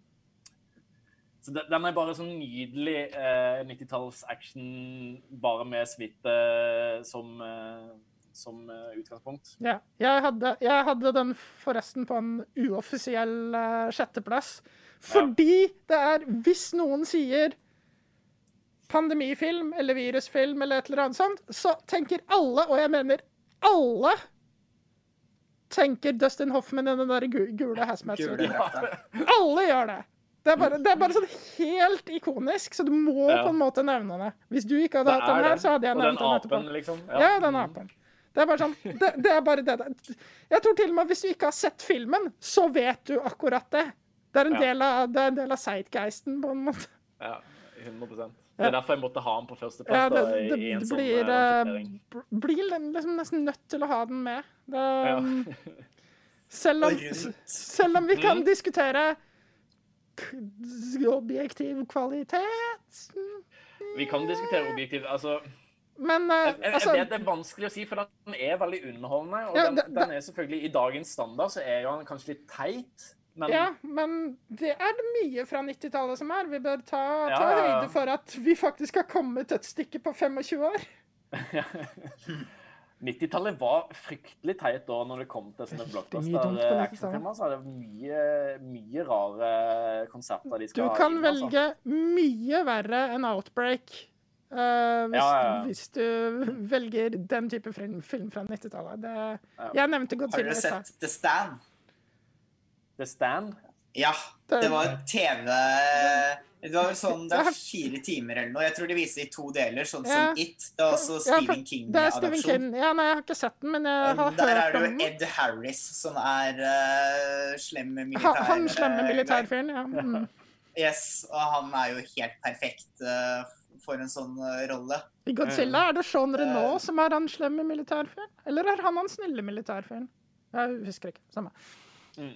Men eh, den er veldig campy eh, på, på, på en Jeg har ikke sett den eh, på 15-20 år. Nei, ikke sant. Mm. Men, eh, men den er uh, iallfall Det er ting jeg aldri glemmer i den filmen. Fordi det er jo Den har jo også sånn bibelsk apokalypse-ting, da. Fordi der blir vel 98% av eh, verdens befolkning eller et eller annet utrydda. Eh, det, er, det er bare noen få igjen, og de Mm. har sånn rare drømmer Mm. eh, om en sånn svart dame som eh, sier sånn I'm a hundred years old and I still bake my own bread. Jeg husker jeg begynte å lese boka en gang, og i ørkenen, og så skal de liksom bygge opp verden på nytt fordi det der outbreaket var en slags syndeflod eller, eller Eh, et eller annet. mm, Mm. mm. Eh, ja, og, og det blir jo selvfølgelig utløst ved at det er noen som klarer å, å rømme fra en militærbase når de evakuerer. Mm. Eller ikke evakuerer, men eller, eh, ja, lockdowner, da. Mm. Lockdowner, er det et nytt, nytt verb? Og, og, og lockdownet har lockdownet. Lockdownet. Mm. Men eh, faktisk Outbreak eh, eh, når jeg så den igjen, er overraskende litt sånn eh, fin eh, sekvens av eh, smittespredning der òg. Mm. Litt sånn som i Contagion. da. Eh, der det, vi følger egentlig bare sånn tre karakterer og ser liksom hvor fort, fort eh, de kan spre smitte. da. Blant annet at en av de går i en kinosal og hoster eh, forferdelig ut i rommet, som, eh, Mm. og hele kinosalen blir da smitta. Så Vi, vi husker at kinoene i Oslo åpner i morgen, sant? Yes, da, da får vi bare hoste skikkelig og se hva som Vi får, skjer. vi får bare håpe at Velkommen ikke til Vegas, vil si er airborne. It's airborne. Det var liksom sånn her fra, Ja, ja, ja, fra it's- Outbreak Oh my god, it's Det- airborne! Det husker jeg faktisk. But It's airborne! Jeg, jeg, jeg vet ikke om jeg har sett hele filmen. Eh, jeg, sett den. jeg tror jeg bare zappa innom og så Altså, 20 minutter av den. jeg mener den er verdt å se 90. bare pga. den kulturelle konteksten den har. på en Ja, måte. Den har blitt såpass altså, den, den, den er en mile, milepæl for Ja. det den er, på en måte. Jeg syns absolutt den er, absolutt den er verdt å se. leie den for, det- leie den for 20 kroner på Blockbuster. Ja, ikke sant? Mhm. Den er verdt 20 kroner. Ja. Jeg syns vi burde gjøre en sånn 20 kroner. 90-tallspodkast. At vi kunne gjøre en podkast med sånne filmer med, med Dustin Hoffman og med Richard Gere og, og med Harrison Ford og sånn, som eh, eh, vi, vi, vi må Ja, kalle den skal vi bare ta søndagsfilmen. bare Wolfgang Ja, eller eller? filmen fortsetter etter aktuelt å være. Ja. Husker dere, husker dere når man, den er på TV3 når man stemte på de filmene? Ja, det husker jeg. Bare Hvilken film skal Send kodeord 'film 1' Ja. til uh... Det var sånn fire filmer, og så, og så husker jeg en gang hvor det var en som holdt på å vinne. Og så, og så rett før så bare stakk en annen av meg seieren, men de hadde allerede gjort klart den andre filmen, så de viste feil film. Oh, ja. Yes. Så det kom et leserinnlegg. Så kom sånn Hei, vi beklager, vi sendte feil film. Vi viser den andre i morgen klokka 23.00. Hvor vanskelig kan det være, da? De har jo alt på, på beta, så det er bare å bytte kassetten. husker jeg så godt.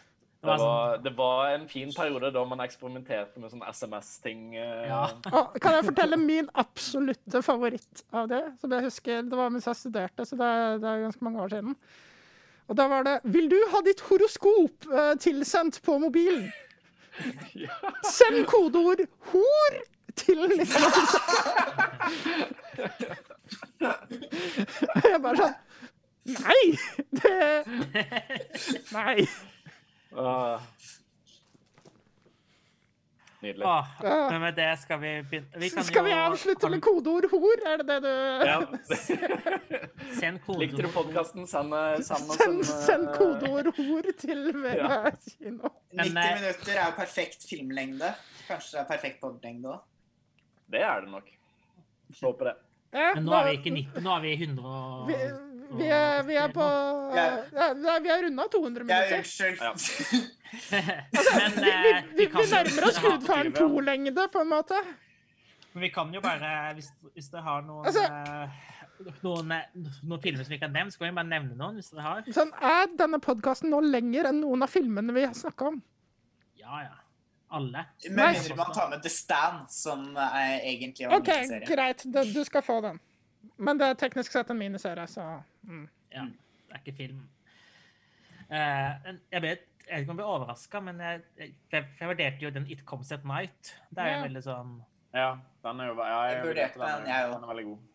Den er god, og det er jo veldig sånn holder eh, fra hverandre. Type film, Mm. som vi bortsett fra det så har vi nevnt alt. The Happening er jo en klassiker. Ja, jeg skulle til å nevne bakgrunnsbildet ditt. Um, Jeg har faktisk ikke sett Happening, men eh, den er vel kanskje verdt å se. Eh, trærne gjør det.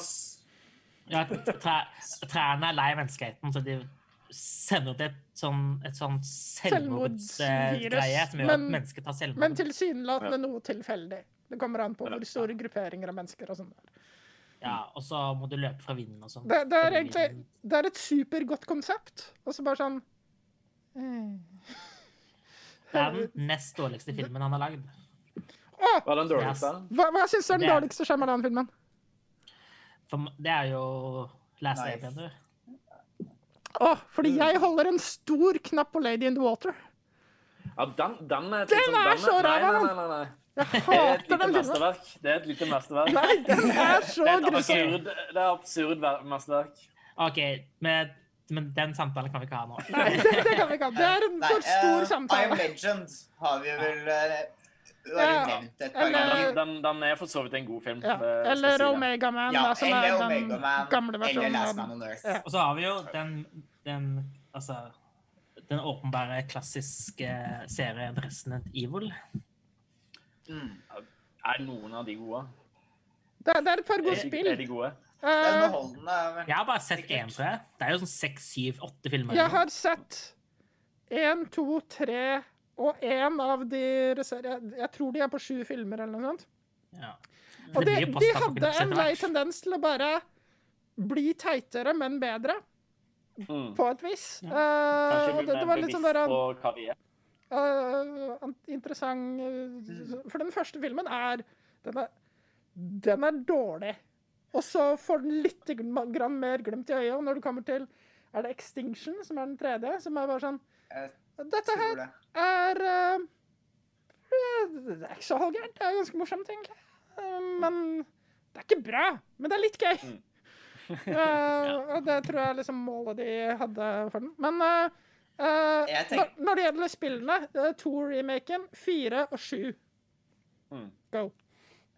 Jeg, jeg har uh, ikke spilt så mange av de. Så jeg Nei. vet ikke. To-remaken, fire og sju. Jeg har spilt fireren, men likte jeg det godt. Jeg har spilt nesten hele to-remaken. Godt. Jeg, har, jeg har sett noen spille hele treeren, så det var gøy. Uh, Remaken eller originalen? Syveren ser veldig gøy ut, så jeg har Den- lyst til å spille. Det Det er faktisk veldig bra. Det er absolutt verdt å spille. Men eh, og så, tenkte jeg på, jeg vet ikke om det er noe, noe epidemi, men det er jo på en måte den filmen Ravenous. Ja. Ravenous. Fordi Den som er på Netflix nå. ja, for den, eh, Ja, det er den altså, for kanskje. at når de spiser menneskekjøtt, så, blir, så, får de, så er det noe greier der. Men det er jo ikke noe da tenkte jeg på fordi de spiste en spiste en eh, en eh, flaggermus. Så, Mm. så blir vi syke. Her spiser de mennesker, så får de mennesker mer krefter. Mm. En veldig sånn absurd kannibalfilm som er veldig gøy. Og Så tenker jeg Mimik Mimic hadde vel uh, uh, kommet litt kvalifisert.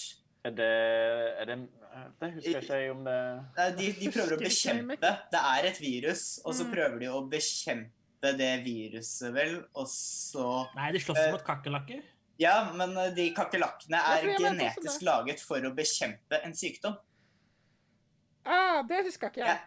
ja jeg, jeg, det, det, tror det. klarte ikke jeg å Eh, huske. Fordi jeg huska de store kak- kakerlakkene. Ja. Men jeg tror det er genetisk lag for å Mm. bekjempe et, en virusepidemi. Mm. OK. Uh, yes. Eh, Noen andre Black? Eller? Death eh, har jeg ikke sett. Ja, vi har, vi har ikke Ikke tatt noen periodefilmer, da. Ingen av oss har tatt det. Ja. Det var Pride and Prejudice og Zombies, liksom.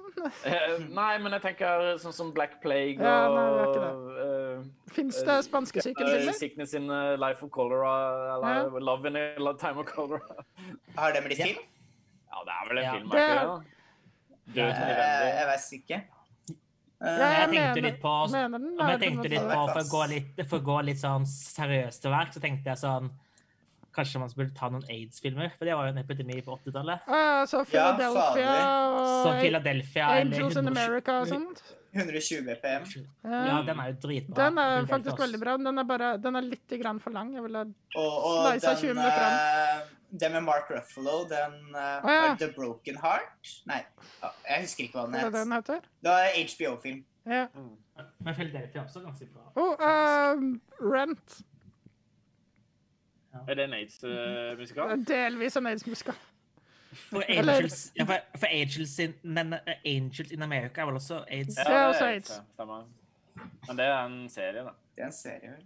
Musikal, og- Det er en musikal den ble, Var det en miniserie de lagde av den? Ja. Ikke en filmatisering, nei. Som sådan. Og så er jo egentlig uh, Det sjunde innsele er en film om uh, pesten. Svartedøende. Det er det faktisk. Eh, om svartedauden, ja. Mm. Eh, Den er så i det- periferien at det, ja. Eh, Ja, altså Hør på listene i dag, liksom. Det er jo ikke noe epidemi i, i Mad Max. Det er Å, vel at eh, eh, Det er vel at uh, Institusjonal, institusjonal, eller det eh, er institusjonalisert diskriminering er epidemien.